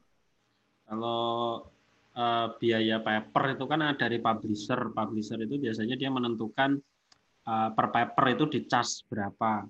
Itu tapi setiap publisher itu berbeda-beda. Misalnya uh, kalau Atlantis Press, Atlantis Press itu selain dia di charge per paper, dia juga di charge setup uh, web. Itu kalau nggak salah 800-an euro. Terus per papernya itu bisa 50 atau eh 50 atau 60 60 euro gitu. Per paper. 65 ya, Pak. 65. Oh, 65 ya. udah naik malah. Oh, naik ya. Baik. Nah, mungkin Pak Tansil bisa nambahi itu untuk biaya. Ya, jadi biaya itu uh, fluktuatif. Kadang uh, kalau kita bisa nego, dia bisa turun. Tapi kalau kita terima apa adanya, ya ya apa yang disampaikan publisher ya itu nanti yang dipakai. Ya kisarannya kalau Atlantis tadi 65, kadang bisa turun jadi 60, kadang bisa turun lagi 55, tergantung apa kita sudah pernah melaksanakan dengan dia atau tidak gitu. Biasanya begitu. Dan fluktuasi kurs kan juga berpengaruh juga kan ya. Nah, itu juga berpengaruh. Jadi banyak variabelnya kalau masalah biaya ke publisher. Makanya lebih enak bikin proceeding sendiri saja, nggak usah tergantung dengan publisher gitu. Ya. Bisa store uang keluar ya Pak. Iya, betul sekali. Proceeding sendiri tapi minta terindeks Pak, gimana itu Pak? Nah itu makanya harus diusahakan, makanya kita mulai tadi. Kan banyak teman-teman yang lain juga sudah memulai. Lah kita kita meramaikan saja. Baik, jadi memang sebaiknya komponen pembiayaan itu keputusannya di ada di panitia ya dan itu pertimbangannya banyak dan semakin kita tahu pengelolaan conference itu kalau saran dari bapak-bapak yang jadi narasumber hari ini lebih baik pakai konsultan, konsultan. Lebih baik pakai uh, lebih baik menghubungi Kresna atau kemudian atau lembaga lainnya yang sejenis atau menyelenggarakan sendiri. Bisa cerita nggak Pak plus minusnya? Karena kan bapak-bapak juga menjadi penyelenggara conference di kampus masing-masing plus minusnya bagaimana? Yang gabung sama Kresna bagaimana? Yang menyelenggarakan sendiri gimana? Terus dari dua hal itu enaknya yang mana menurut masing-masing nih? Berarti dijawabnya sendiri-sendiri nih, Pak Heri sendiri, Pak Tansil sendiri, nanti Mas Andri juga nambahin sendiri. Ya, saya jawab dulu saja ini ya. Ya, jadi kalau misalkan masalah eh, pengurusan kontrak, eh, Caranya sebetulnya mudah. Kita tinggal kontak aja ke publisher kan emailnya udah ada di webnya itu. Tinggal kontak, kirim email, proposal, kemudian kita mereka pasti akan menerima atau menolak tergantung mereka. Dan kita tinggal memproses artikel kita kalau sudah terkumpul dikirim ke mereka kan sesimpel dan sederhana itu.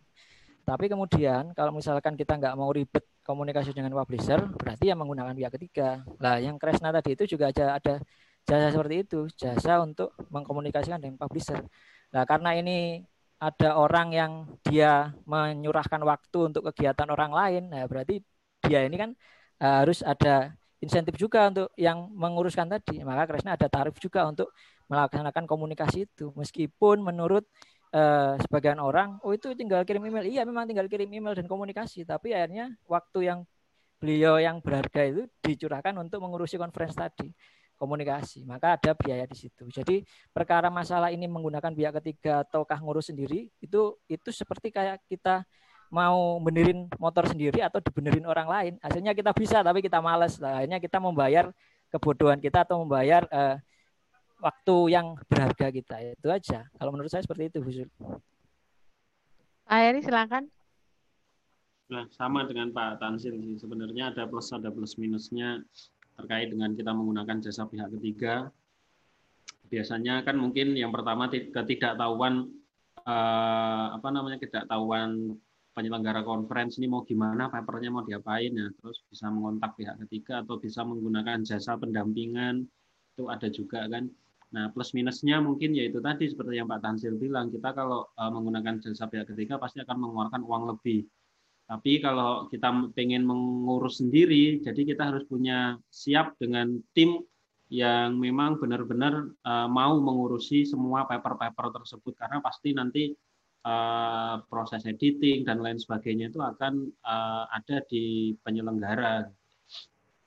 Kalau masalah enak dan tidak enaknya ya kembali ke penyelenggara itu tadi apakah mau menggunakan mau repot atau mau nggak repot itu aja sih. Baik, Mas Andri mau menambahkan? Mas Andri masih ada di sini atau udah udah out ini? Kalau begitu saya lanjutkan ke pertanyaan yang berikutnya ini.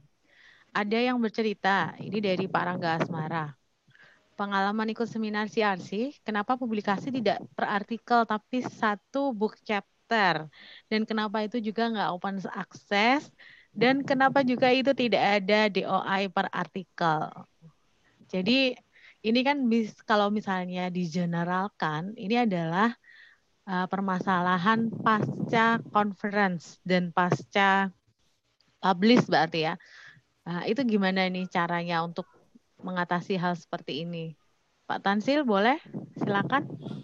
Ya, sebagaimana saya sampaikan tadi itu kan ya itu kan ada jenis-jenis publisher. Nah, berarti kita kalau mau misal, Bapak mohon maaf di up volumenya gak kedengaran kan suaranya. ada apa? jenis-jenis publisher yang sudah saya sampaikan sebelumnya tadi kan. Nah, di jenis-jenis publisher itu kita lihat kalau kita komunikasi dengan publisher yang book misalkan, kita harus siap dengan konsekuensi bahwa itu terbitnya dalam bentuk suatu bentuk book. Lah, yang penerbit ini ada yang tradisional konvensional yang dia masih beranggapan bahwa yang namanya book itu adalah cetak, termasuk di antaranya ini Taylor Francis Routledge, itu dia itu book itu dia bentuknya cetak dan itu di online kan penuh full semuanya karena itu sifatnya book ya. Maka yang muncul nama di metadata adalah editornya bukan nama eh, masing-masing eh, autornya. Ya, makanya kan kalau kita mau komunikasi dengan publisher kita lihat uh, jenisnya publisher dulu yang mana dulu. Lah yang rootless ini memang begitu memang modelnya. Dia tidak open access lagi. Dan kita bayarnya eh, yang uh, author bayarnya mahal juga lagi, lebih mahal lagi kalau di rootless kan. Tapi kita dapat nama besarnya itu aja. Tak pernah terbit di Taylor Francis itu aja menang brand menang merek. Tapi itu tadi terindeks Scopus atau enggak belum tentu juga. Ya, makanya kita harus pandai-pandai uh, melihat ini terbit di mana, itu kemudian dan di sana modelnya gimana, agreementnya. Kalau dari awal udah tahu dan nggak suka ya jangan terbit di situ, itu aja sih. Ya. Baik. Uh, Pak Heri mungkin bisa menambahkan kan sejauh ini kan uh, beliau berdua sudah pengalaman untuk menjadi uh, apa namanya konsultan penerbitan konferensi artikel dari konferensi. Silakan Pak Heri, kalau ada masalah nih sama publisher, entah itu DO-nya nggak aktif atau kemudian tidak open access tuh gimana? Kalau Pak Tansil kan dibaca dulu tuh, itu kan solusi di awal ya, sebelum kita menentukan publisher yang mana. Nih kalau udah terlanjur, nah gimana tuh Pak Heri? Waduh, kalau udah terlanjur nih biasanya agak repot kalau kita mau kontak ke publisher, biasanya publisher juga dia tidak akan apa namanya uh, terlalu menanggapi uh, keluhan dari autor biasanya karena dia hubungannya adalah dengan uh, penyelenggara. Jadi itu tadi seperti yang Pak Tansil bilang sebelum kita ikut kita memang harus paham dulu ini mau publish ke mana gitu loh. Nah kalau kita sudah tahu publish ke mana minimal kita punya informasi karakteristik dari publisher ini bagaimana. Nah misalnya doi belum aktif atau apa kan itu nanti kaitannya dengan penyelenggara. Penyelenggara itu mungkin doinya belum aktif, mungkin karena mungkin ada masih ada koreksi metadata atau lain sebagainya, itu kita tidak tahu. Jadi tidak bisa digeneralkan. Nah, open access atau tidak kan itu pilihan dari apa namanya penyelenggara uh, mengontak ke mana gitu. Mungkin itu mbak. Jadi kalau udah terlanjur di Teller Friends yang CRC, maksudnya mau di online kan biar open access, ya terbitkan aja versi preprintnya karena yang CRC itu masih boleh kalau kita tampilkan preprintnya di repositori kampus kemudian itu nantinya menjadi tulis ditulis official site-nya official link-nya di mana? Linknya yang ke CRC Press. Dibuat gitu aja kalau misal mau orang lain membaca karya kita tanpa perlu bayar di preprintkan gitu. Ya pengelola juga misalkan kalau mau seperti itu ya bisa saja semua punyanya autor di preprintkan gitu. Ya tidak versi asli akhir ke penerbit tapi versi awalnya. Ya, itu mungkin jadi solusinya jadi versi sebelum dikasih template ya sebelum uh, sebelum sebelum belum, dikasih doi ya. Ya. ya sebelum dikasih belum. doi sebelum dikasih versi preprintnya ya versi preprint ya mungkin bisa dijelaskan lagi lah uh, lebih dalam lagi preprint yang itu yang kayak gimana bedanya versi preprint sama yang versi publisher tuh versi seperti kamera apa? ready-nya, versi kamera ready. Versi kamera ready. Ya. Tetapi yang diterbitkan di uh, repository tadi yang bukan yang kamera ready ya, bukan bukan yang belum direvisi. Kalau kalau sudah kamera ready kan sudah sudah siap mau dikirim ke publisher kan ya. Nah itu ketika nyampe di publisher pasti ada koreksi di sana bu ya koreksi tak koreksi mau nampilin ada logonya publisher kan gitu-gitu kan nah itu yang tidak boleh yang itu yang tidak di online kan nah tapi kalau kita online kan yang sebelum itu misalkan versi awalnya yang kamera ready tadi boleh kita taruh preprint kita taruh repository. Kalau si publishernya membolehkan preprint. Tapi kalau Taylor Francis boleh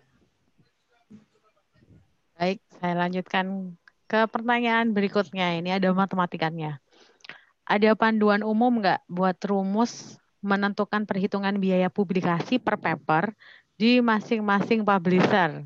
Misalnya, berapa persen dari biaya ke proceeding yang ditentukan untuk ditarik ke peserta? Nah, Pak Heri mungkin bisa bantu menjawab nih soal matematika ya.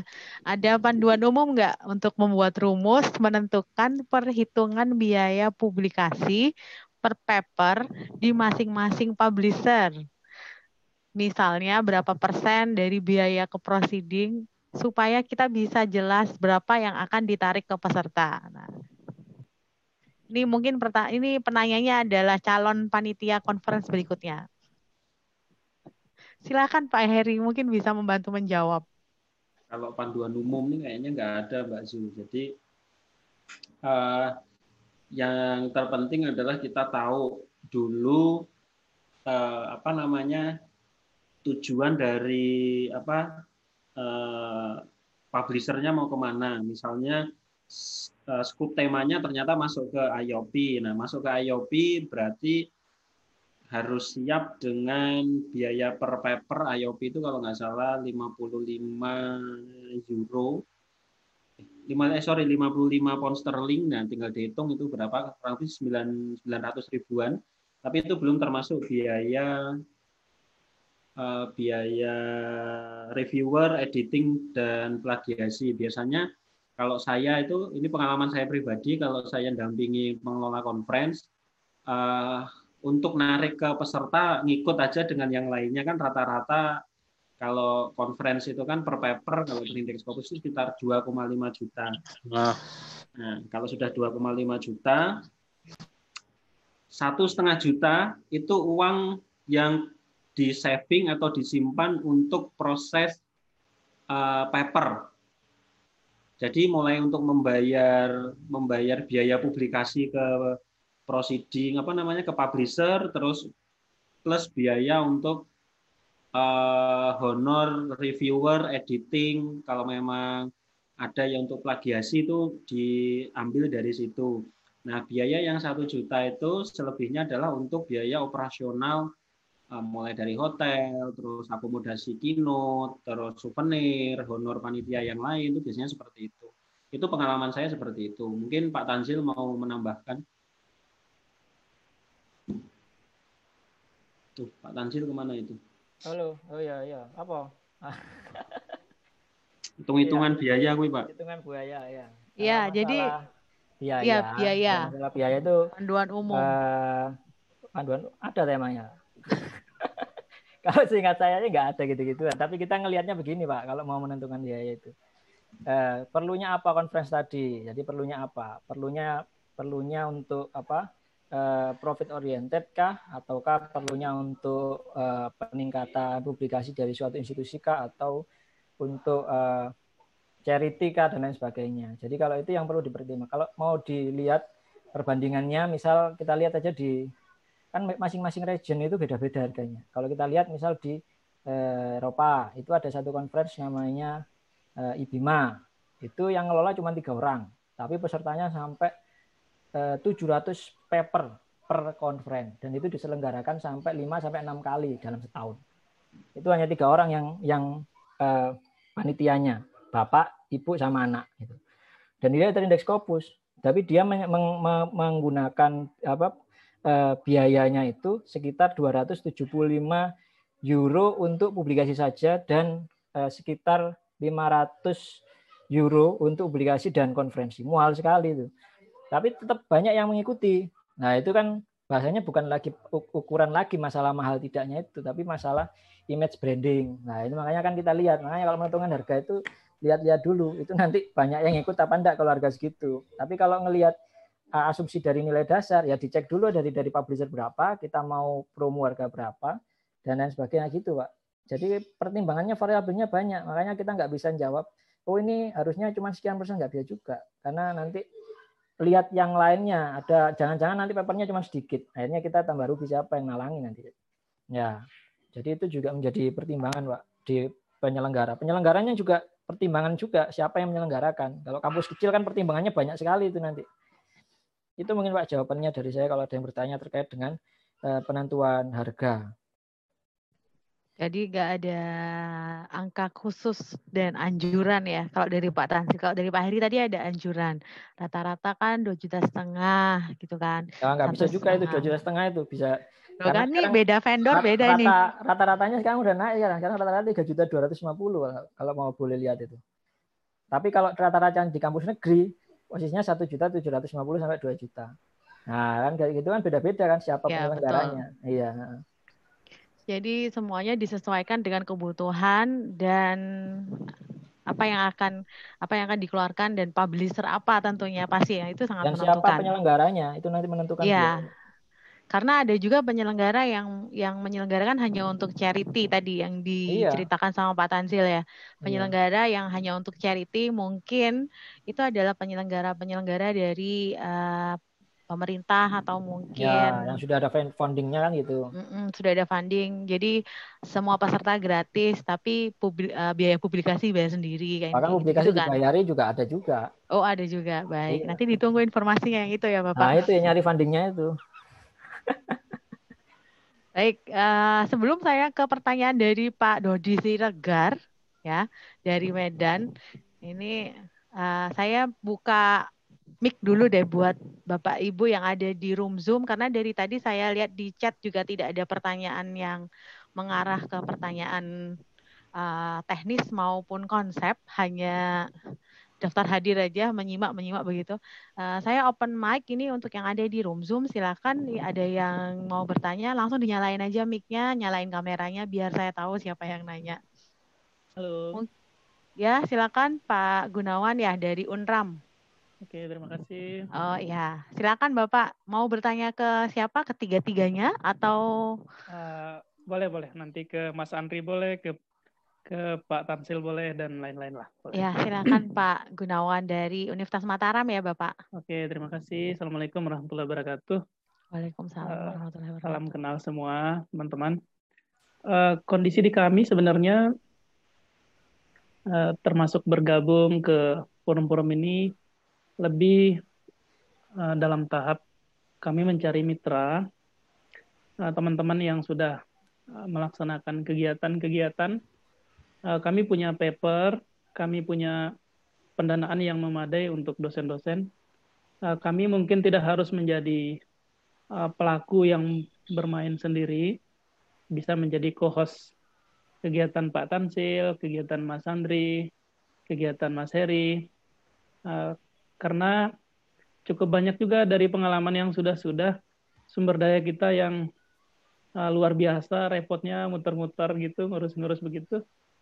Jadi kalau misalnya ada eh, teman-teman kita yang sudah terbiasa pada urusan-urusan administrasi konferen, ya sudah kami bergabung saja ke teman-teman di situ di luar konferen yang memang kami adakan sendiri. Karena cukup cukup banyak juga dosen di sini. Dia ada 1.600 dosen di Unram.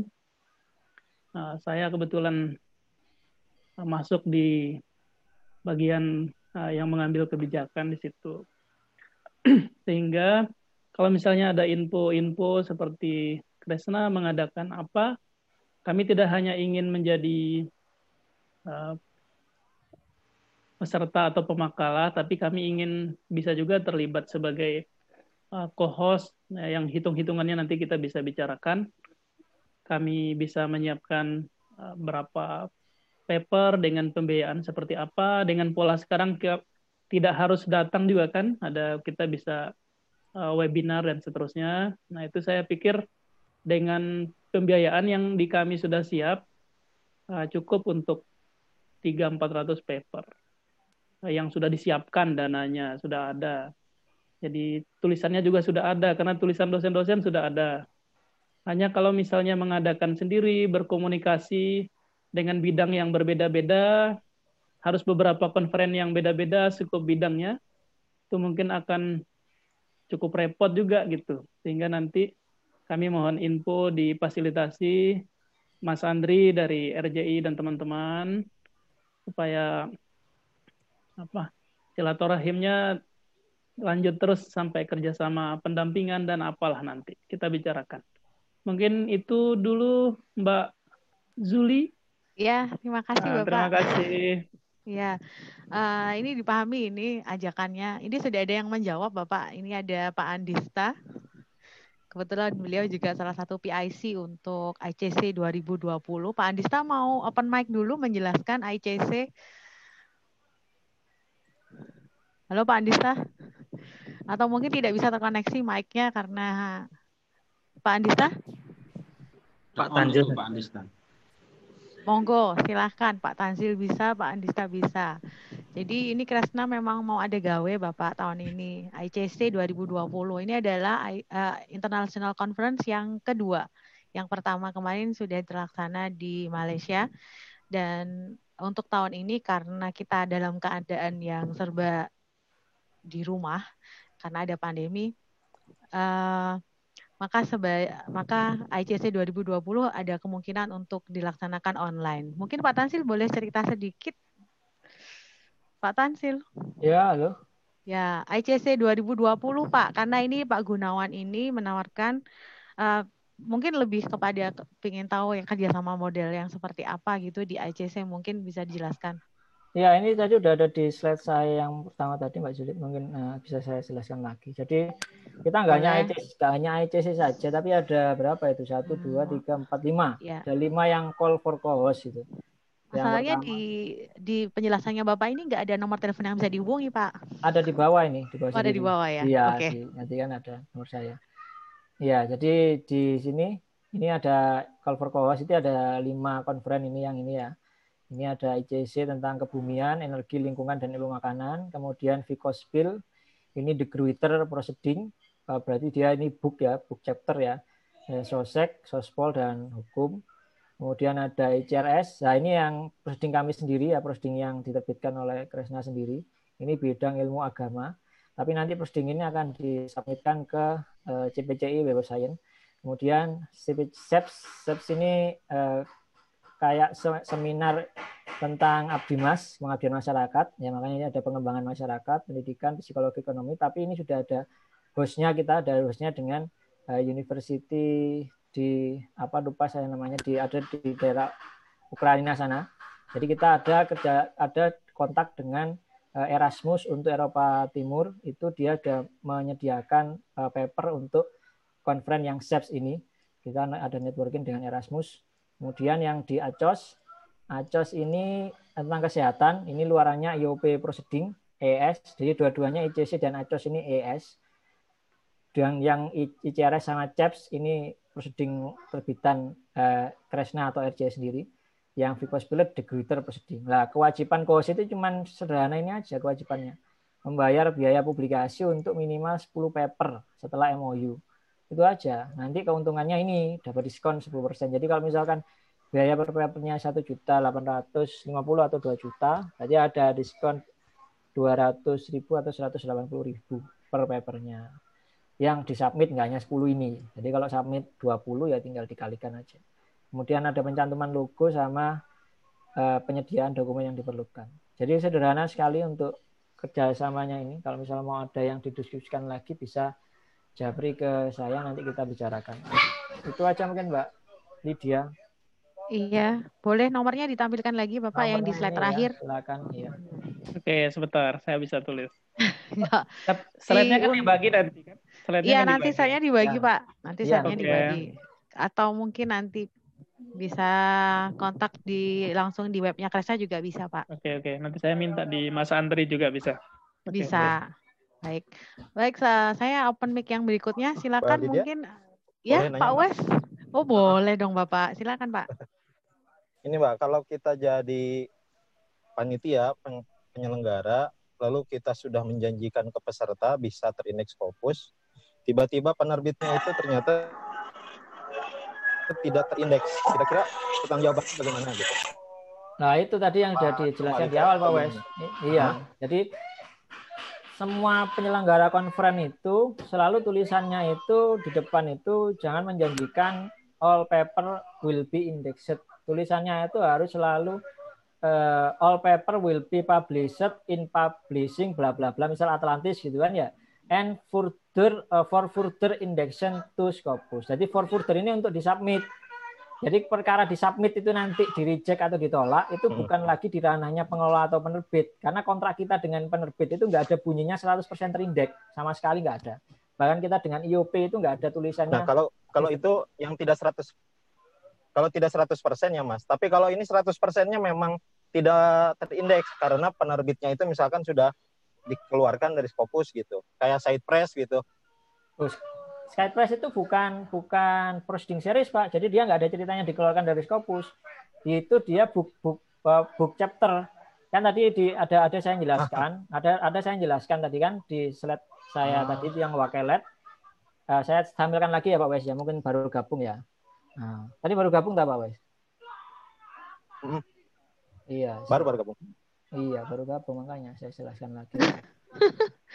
Pak Wes tadi mungkin bisa telepon-teleponan deh. iya Tapi gitu aja mungkin. ya. Masalah Iya intinya intinya gini Pak Masalahnya Wes. Saya Iya. share wakelet saya aja ya nanti saya akan buka ya. Saya share wakelet saya. nanti kalau kurang jelas bisa telepon Pak Tansil lagi. Cuman Nah, memang kan- permasalahan publisher itu harus dipilih di awal itu ya. Itu harus digaris bawah itu. Milih Iya. publisher Kita kan- itu harus dilihat kontraknya. Kampus saya itu kan pernah begitu, Mas Tanjil. Tiba-tiba lalu kemudian nggak bisa, akhirnya kan jadi kapok gitu ya. Jadi penyelenggara conference yang sejak awal sudah semangat karena sudah kerjasama dengan yang biasa, yang di kerjasamanya itu sebelumnya memang terindeks Scopus, tapi tiba-tiba akhirnya digeserkan jadi terindeks WOS, meskipun internasional juga, tapi kan gregetnya beda gitu ya. Gitu. Oke, gitu aja. Nanti kontak-kontak aja dengan Iya, lah. jadi karena Iya, jadi intinya harus hati-hati gitu aja Pak Wes tadi. Hati-hati Hmm. sebagai pengelola nyantumin janjinya, hati-hati sebagai penulis untuk baca eh, siapa publisher yang diajak kerjasama gitu aja. baik. Iya. eh saya ke ini masih ada lima menit, tapi saya rasa ini sudah cukup. Apa ada lagi yang mau ditanyakan ini yang ada di room Zoom? Saya persilakan Bapak Ibu. Kalau ti- eh, kalau tidak ada, maka saya tutup dengan pertanyaan dari Pak Dodi Siregar. Pak Dodi Siregar ini menanyakan, eh, kapan Kresna bikin acara workshop tata kelola conference dengan tatap muka dan langsung praktek begitu? Ini pertanyaan pamungkas ini. Oh, gampang. Sebenarnya langsung aja jadi co-hostnya Kresna nanti kita langsung praktek gitu. Gitu ya, Pak ya. Iya, Pak Dodi silakan itu kampusnya jadi co-host itu. Persyaratan jadi co-host tadi adalah mengirimkan paper minimal 10. Dan nanti ada beberapa keuntungannya. Salah satunya adalah diskon 10%. Salah satunya tadi ya Pak yang saya ingat ya. Nanti detailnya mungkin bisa lihat di link yang ada yang sudah di-share sama Pak Tansil. Untuk eh, yang ada di YouTube, silakan admin untuk nge-share linknya nge-share link dari Pak Tansil yang uh, soal materi hari ini dan kemudian juga untuk uh, presensi untuk kegiatan hari ini juga silakan di-share. Ada di chat room Pak uh, yang adminnya yang ada di sekres silakan di-share juga. Kalau tidak ada ini ada pertanyaan lain nih nggak? Ini ada yang angkat tangan nggak? Ini saya nggak kelihatan nih. Mas Andri mungkin mau closing?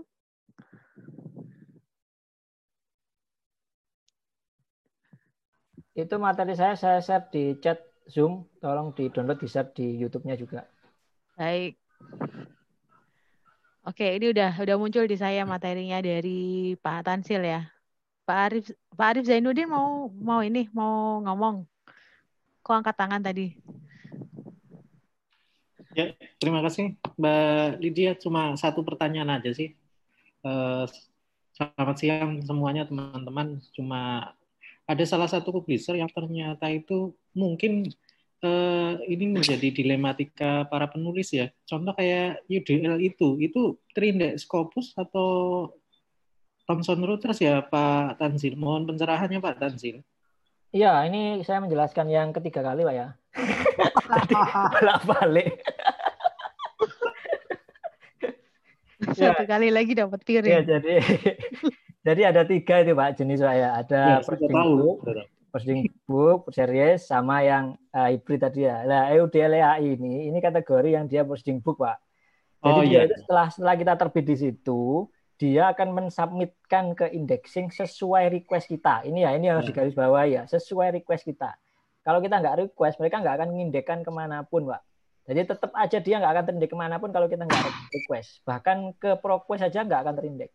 Tapi kalau kita request, ini tolong saya diindekkan ke Scopus gitu. Mereka akan submitkan. Nah, tapi mereka hanya sebatas itu. Karena di kontraknya tertulis cuma bahwa proceeding will be submitted bukan will be indexed. Ya. Iya, jadi will be submitted ke indexing, bukan will be indexed gitu, Pak. Nah, itu yang harus ditulis di web apa konferensi kita semuanya. Tulis aja bahwa uh, artikel akan terbit di publisher misal EAI gitu ya. EAI bla bla bla bla bla dan akan disubmit untuk diindeks, bukan untuk diindeks, tapi untuk disubmit untuk diindeks gitu maksudnya. Hmm. Jadi itu karena janjinya di di konf apa di agreementnya begitu pak bahasanya semua publisher itu makanya enak jadi publisher itu makanya kita bikin sendiri aja cuma nerbitkan aja terus disubmitkan itu cuma gitu aja dia modalnya oke terima kasih hmm. Oh iya, ini di chat room sudah ada yang bertanya tentang link sertifikat. Uh, Mbak dan Mas admin yang pegang akun, silakan di-share link sertifikatnya. Terus kemudian saya open mic lagi nih, terakhir, terakhir sebelum closing sama Mas Andri. Ada yang mau bertanya lagi nggak? Yang ada di room Zoom, karena saya sudah cek di uh, YouTube juga nggak ada pertanyaan terutama yang berhubung yang berkaitan dengan penyelenggaraan conference. Silakan ada yang mau tanya? Gak ada ya? Oke, kalau nggak ada saya serahkan mic-nya ke Mas Andri untuk closing. Silakan Mas Andri.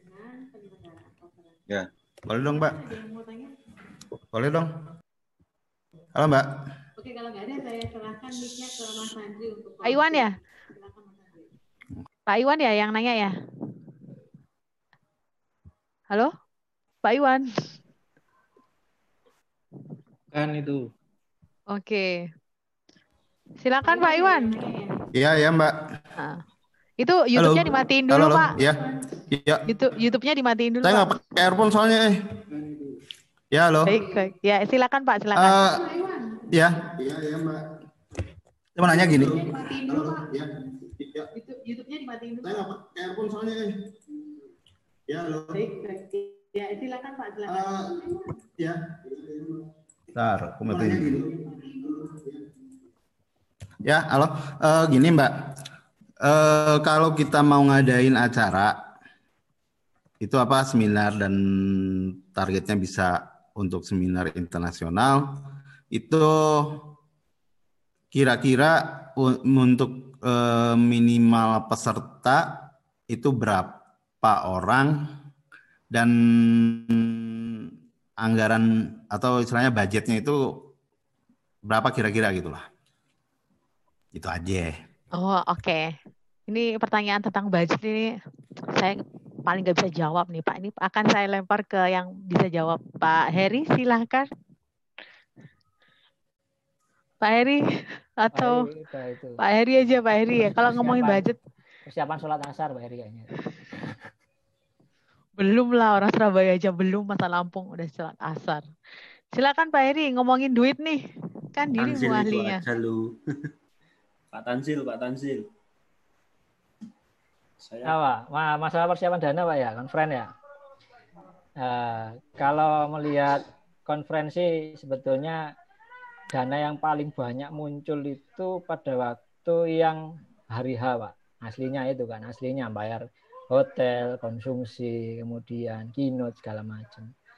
Tapi kalau kita udah bisa menalangi hal-hal yang hari H itu, ya pastikan aja kita udah punya dana cukup untuk mengonlinekan uh, konferen kita itu aja pak. Kalau itu udah tercukupi ya semuanya itu dari peserta pak. Tinggal kita cari peserta aja. Jadi kalau saya ngomong budget relatif pak, 10 juta juga bisa, 15 juta juga bisa. Bahkan nggak pakai budget juga bisa pinjam uang orang gitu pak. Jadi bahasanya kalau masalah dana itu relatif, Pak. Yang penting itu kita punya skill apa enggak untuk menghandle-nya itu aja. Kalau masalah dana kan bisa dicari. Itu mungkin Pak dari saya, Pak Iwan. Ya mungkin nanti lantar kalau gini uh, ini kita coba, kita akan coba kontak-kontak lagi dah. Iya, kalau ya, misalnya Pak. bikin internasional ada, Pak ya. Arkeologi Kantor Pak. ada keinginan untuk untuk bikin seminar yang boleh iya. katakan ya. yang internasional gitu. Dan kita kan masih benar-benar gaptek untuk hal ini. Bikinnya tentang arkeologi Pak, itu jarang Pak. Bagus nanti. Iya, itu rencananya. Ya, nanti bisa masuk itu ke IOP itu. Oke. Ini jadi saya jadi ada pertanyaan nih Pak Tansil sama Mas Heri mungkin bisa jawab ya. Uh, yang dimaksud internasional itu harus berapa negara sih? Ada syaratnya nggak sih? Kalau saya sih yang masuk internasional itu pesertanya itu lebih dari satu negara, Bu. Tapi kalau PAK kemudian apa-apa itu saya nggak tahu, itu tanya ke pemerintah aja. kalau pemerintah, oke. Okay. Ya udah berarti nggak ada jawabannya ya. Mau iya, internasional itu, itu. kan kalau kita ngelihat yang asli misal kita lihatlah kalau kategori misalkan kampus seperti besar-besar kayak di Harvard atau di mana di yang istilahnya udah dia nggak perlu ngomong internasional semua yang diselenggarakan di situ pasti dibilang internasional kan gitu.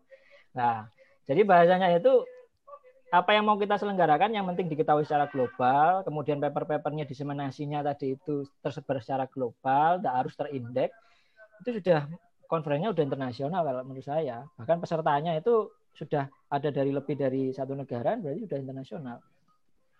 Ya. Ya, kalau boleh sharing sih kalau standarnya LPDP biasanya lima negara memang. Nah, itu ya, karena beda-beda kan? Ya. Tapi kalau standarnya pengelola nggak ada berarti ya. Yang iya, penting lebih kan dari satu. Ya, lebih dari satu. Kalau pengelola kalau pengelola itu standarnya uh. adalah mana yang lebih menguntungkan gitu. Oke.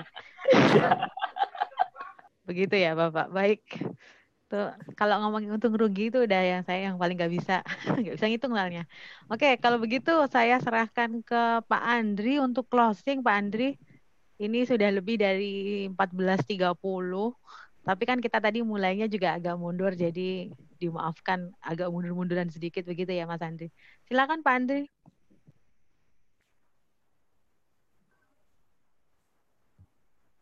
Ya, um, terima kasih Mbak uh, Lydia. Terima kasih teman-teman narasumber. Jadi um, uh, dan Bapak Ibu peserta uh, acara hari ini. Jadi um, uh, kalau boleh saya menyimpulkan bahwa um, ada banyak kriteria dan ada banyak uh, apa namanya hal-hal antar penerbit, antar um, apa publisher ketika Bapak Ibu menyelenggarakan konferensi ya. Juga uh, beda-beda biaya, ada yang biayanya sudah include uh, kita buat website sendiri, ada yang um, apa namanya ada biaya pembuatan website seperti Atlantis Press. Bapak Ibu yang saya hormati, um, uh, uh, salah satu tujuan acara pada uh, siang ini adalah mengajak Bapak Ibu untuk ketika hendak menyelenggarakan conference bisa berpartner dengan kita di Krishna um, karena um, apa namanya Krishna juga bagian uh, uh, part of-nya RJI gitu. Jadi RJI punya punya usaha namanya Krishna salah satunya bergerak di bidang uh, penyelenggaraan conference. Uh, selanjutnya karena tadi sudah disampaikan oleh narasumber Mas Heri bahwa daripada kita nanti um, apa namanya buang duit ya dalam tanda kutip buang duit ke luar negeri bayar conference uh, bayar publisher ke luar negeri maka ada baiknya kita membuat publisher sendiri gitu. Dan itu sudah mulai dirintis oleh Kresna uh, uh, apa namanya buat uh, publisher sendiri. Nanti kita publisher ini nanti di diindekskan ke uh, pengindeks-pengindeks internasional lainnya. Saya kira demikian dari saya uh, Mbak Lydia sebagai moderator uh, terakhir, jadi Bapak Ibu uh, yang hendak bergabung ke RJI uh, bisa ikut uh, ini. Jadi um, apa namanya? Namun syaratnya memang untuk yang rekrutmen kali ini agak berat, harus menulis ya, menulis terkait dengan uh, uh, kondisi publikasi ilmiah di Indonesia itu. Apa yang tadi saya sampaikan itu juga bisa jadi topik pembicaraan atau bisa jadi topik tulisan uh, di mana kita setiap tahun hampir ratusan juta duit itu keluar negeri untuk biaya publikasi. Nah, ini bisa di uh, bisa dibuat uh, sebuah penelitian juga. Nah, um, berbeda dengan rekrutmen anggota RJI yang tahun-tahun sebelumnya, ada namanya training of trainer. Maka untuk tahun ini itu ditiadakan, diganti dengan um, apa namanya uh, ada syarat-syarat yang lebih rinci. Salah satunya harus buat tulisan dan tulisan itu diterbitkan di jurnal miliknya RJI. Saya kira demikian. Eh, semoga acara ini bermanfaat. Saya kira Assalamualaikum warahmatullahi wabarakatuh. Waalaikumsalam warahmatullahi wabarakatuh. Dengan closing dari Pak Andri, maka saya sebagai moderator juga undur diri. Saya mohon maaf. Pasti ada banyak sekali kesalahan, baik itu kesalahan kata, diksi, dan sebagainya. Untuk Pak Sunday tadi yang mau bertanya di luar konferensi, bisa langsung ke help desknya Kresna atau ke helpdesknya RJI di forum juga boleh. Dan saya akhiri, Bapak Ibu, terima kasih atas partisipasinya baik yang ada di room Zoom maupun yang ada di uh, YouTube. Ini saya pantau tadi di YouTube udah lebih dari 100 view. Terima kasih. Dan oke okay, ini yang terakhir dari Pak Dodi Sirga. Terima kasih ya sama-sama Bapak. Terima kasih. Uh, maka acara hari ini saya tutup. Wassalamualaikum warahmatullahi wabarakatuh.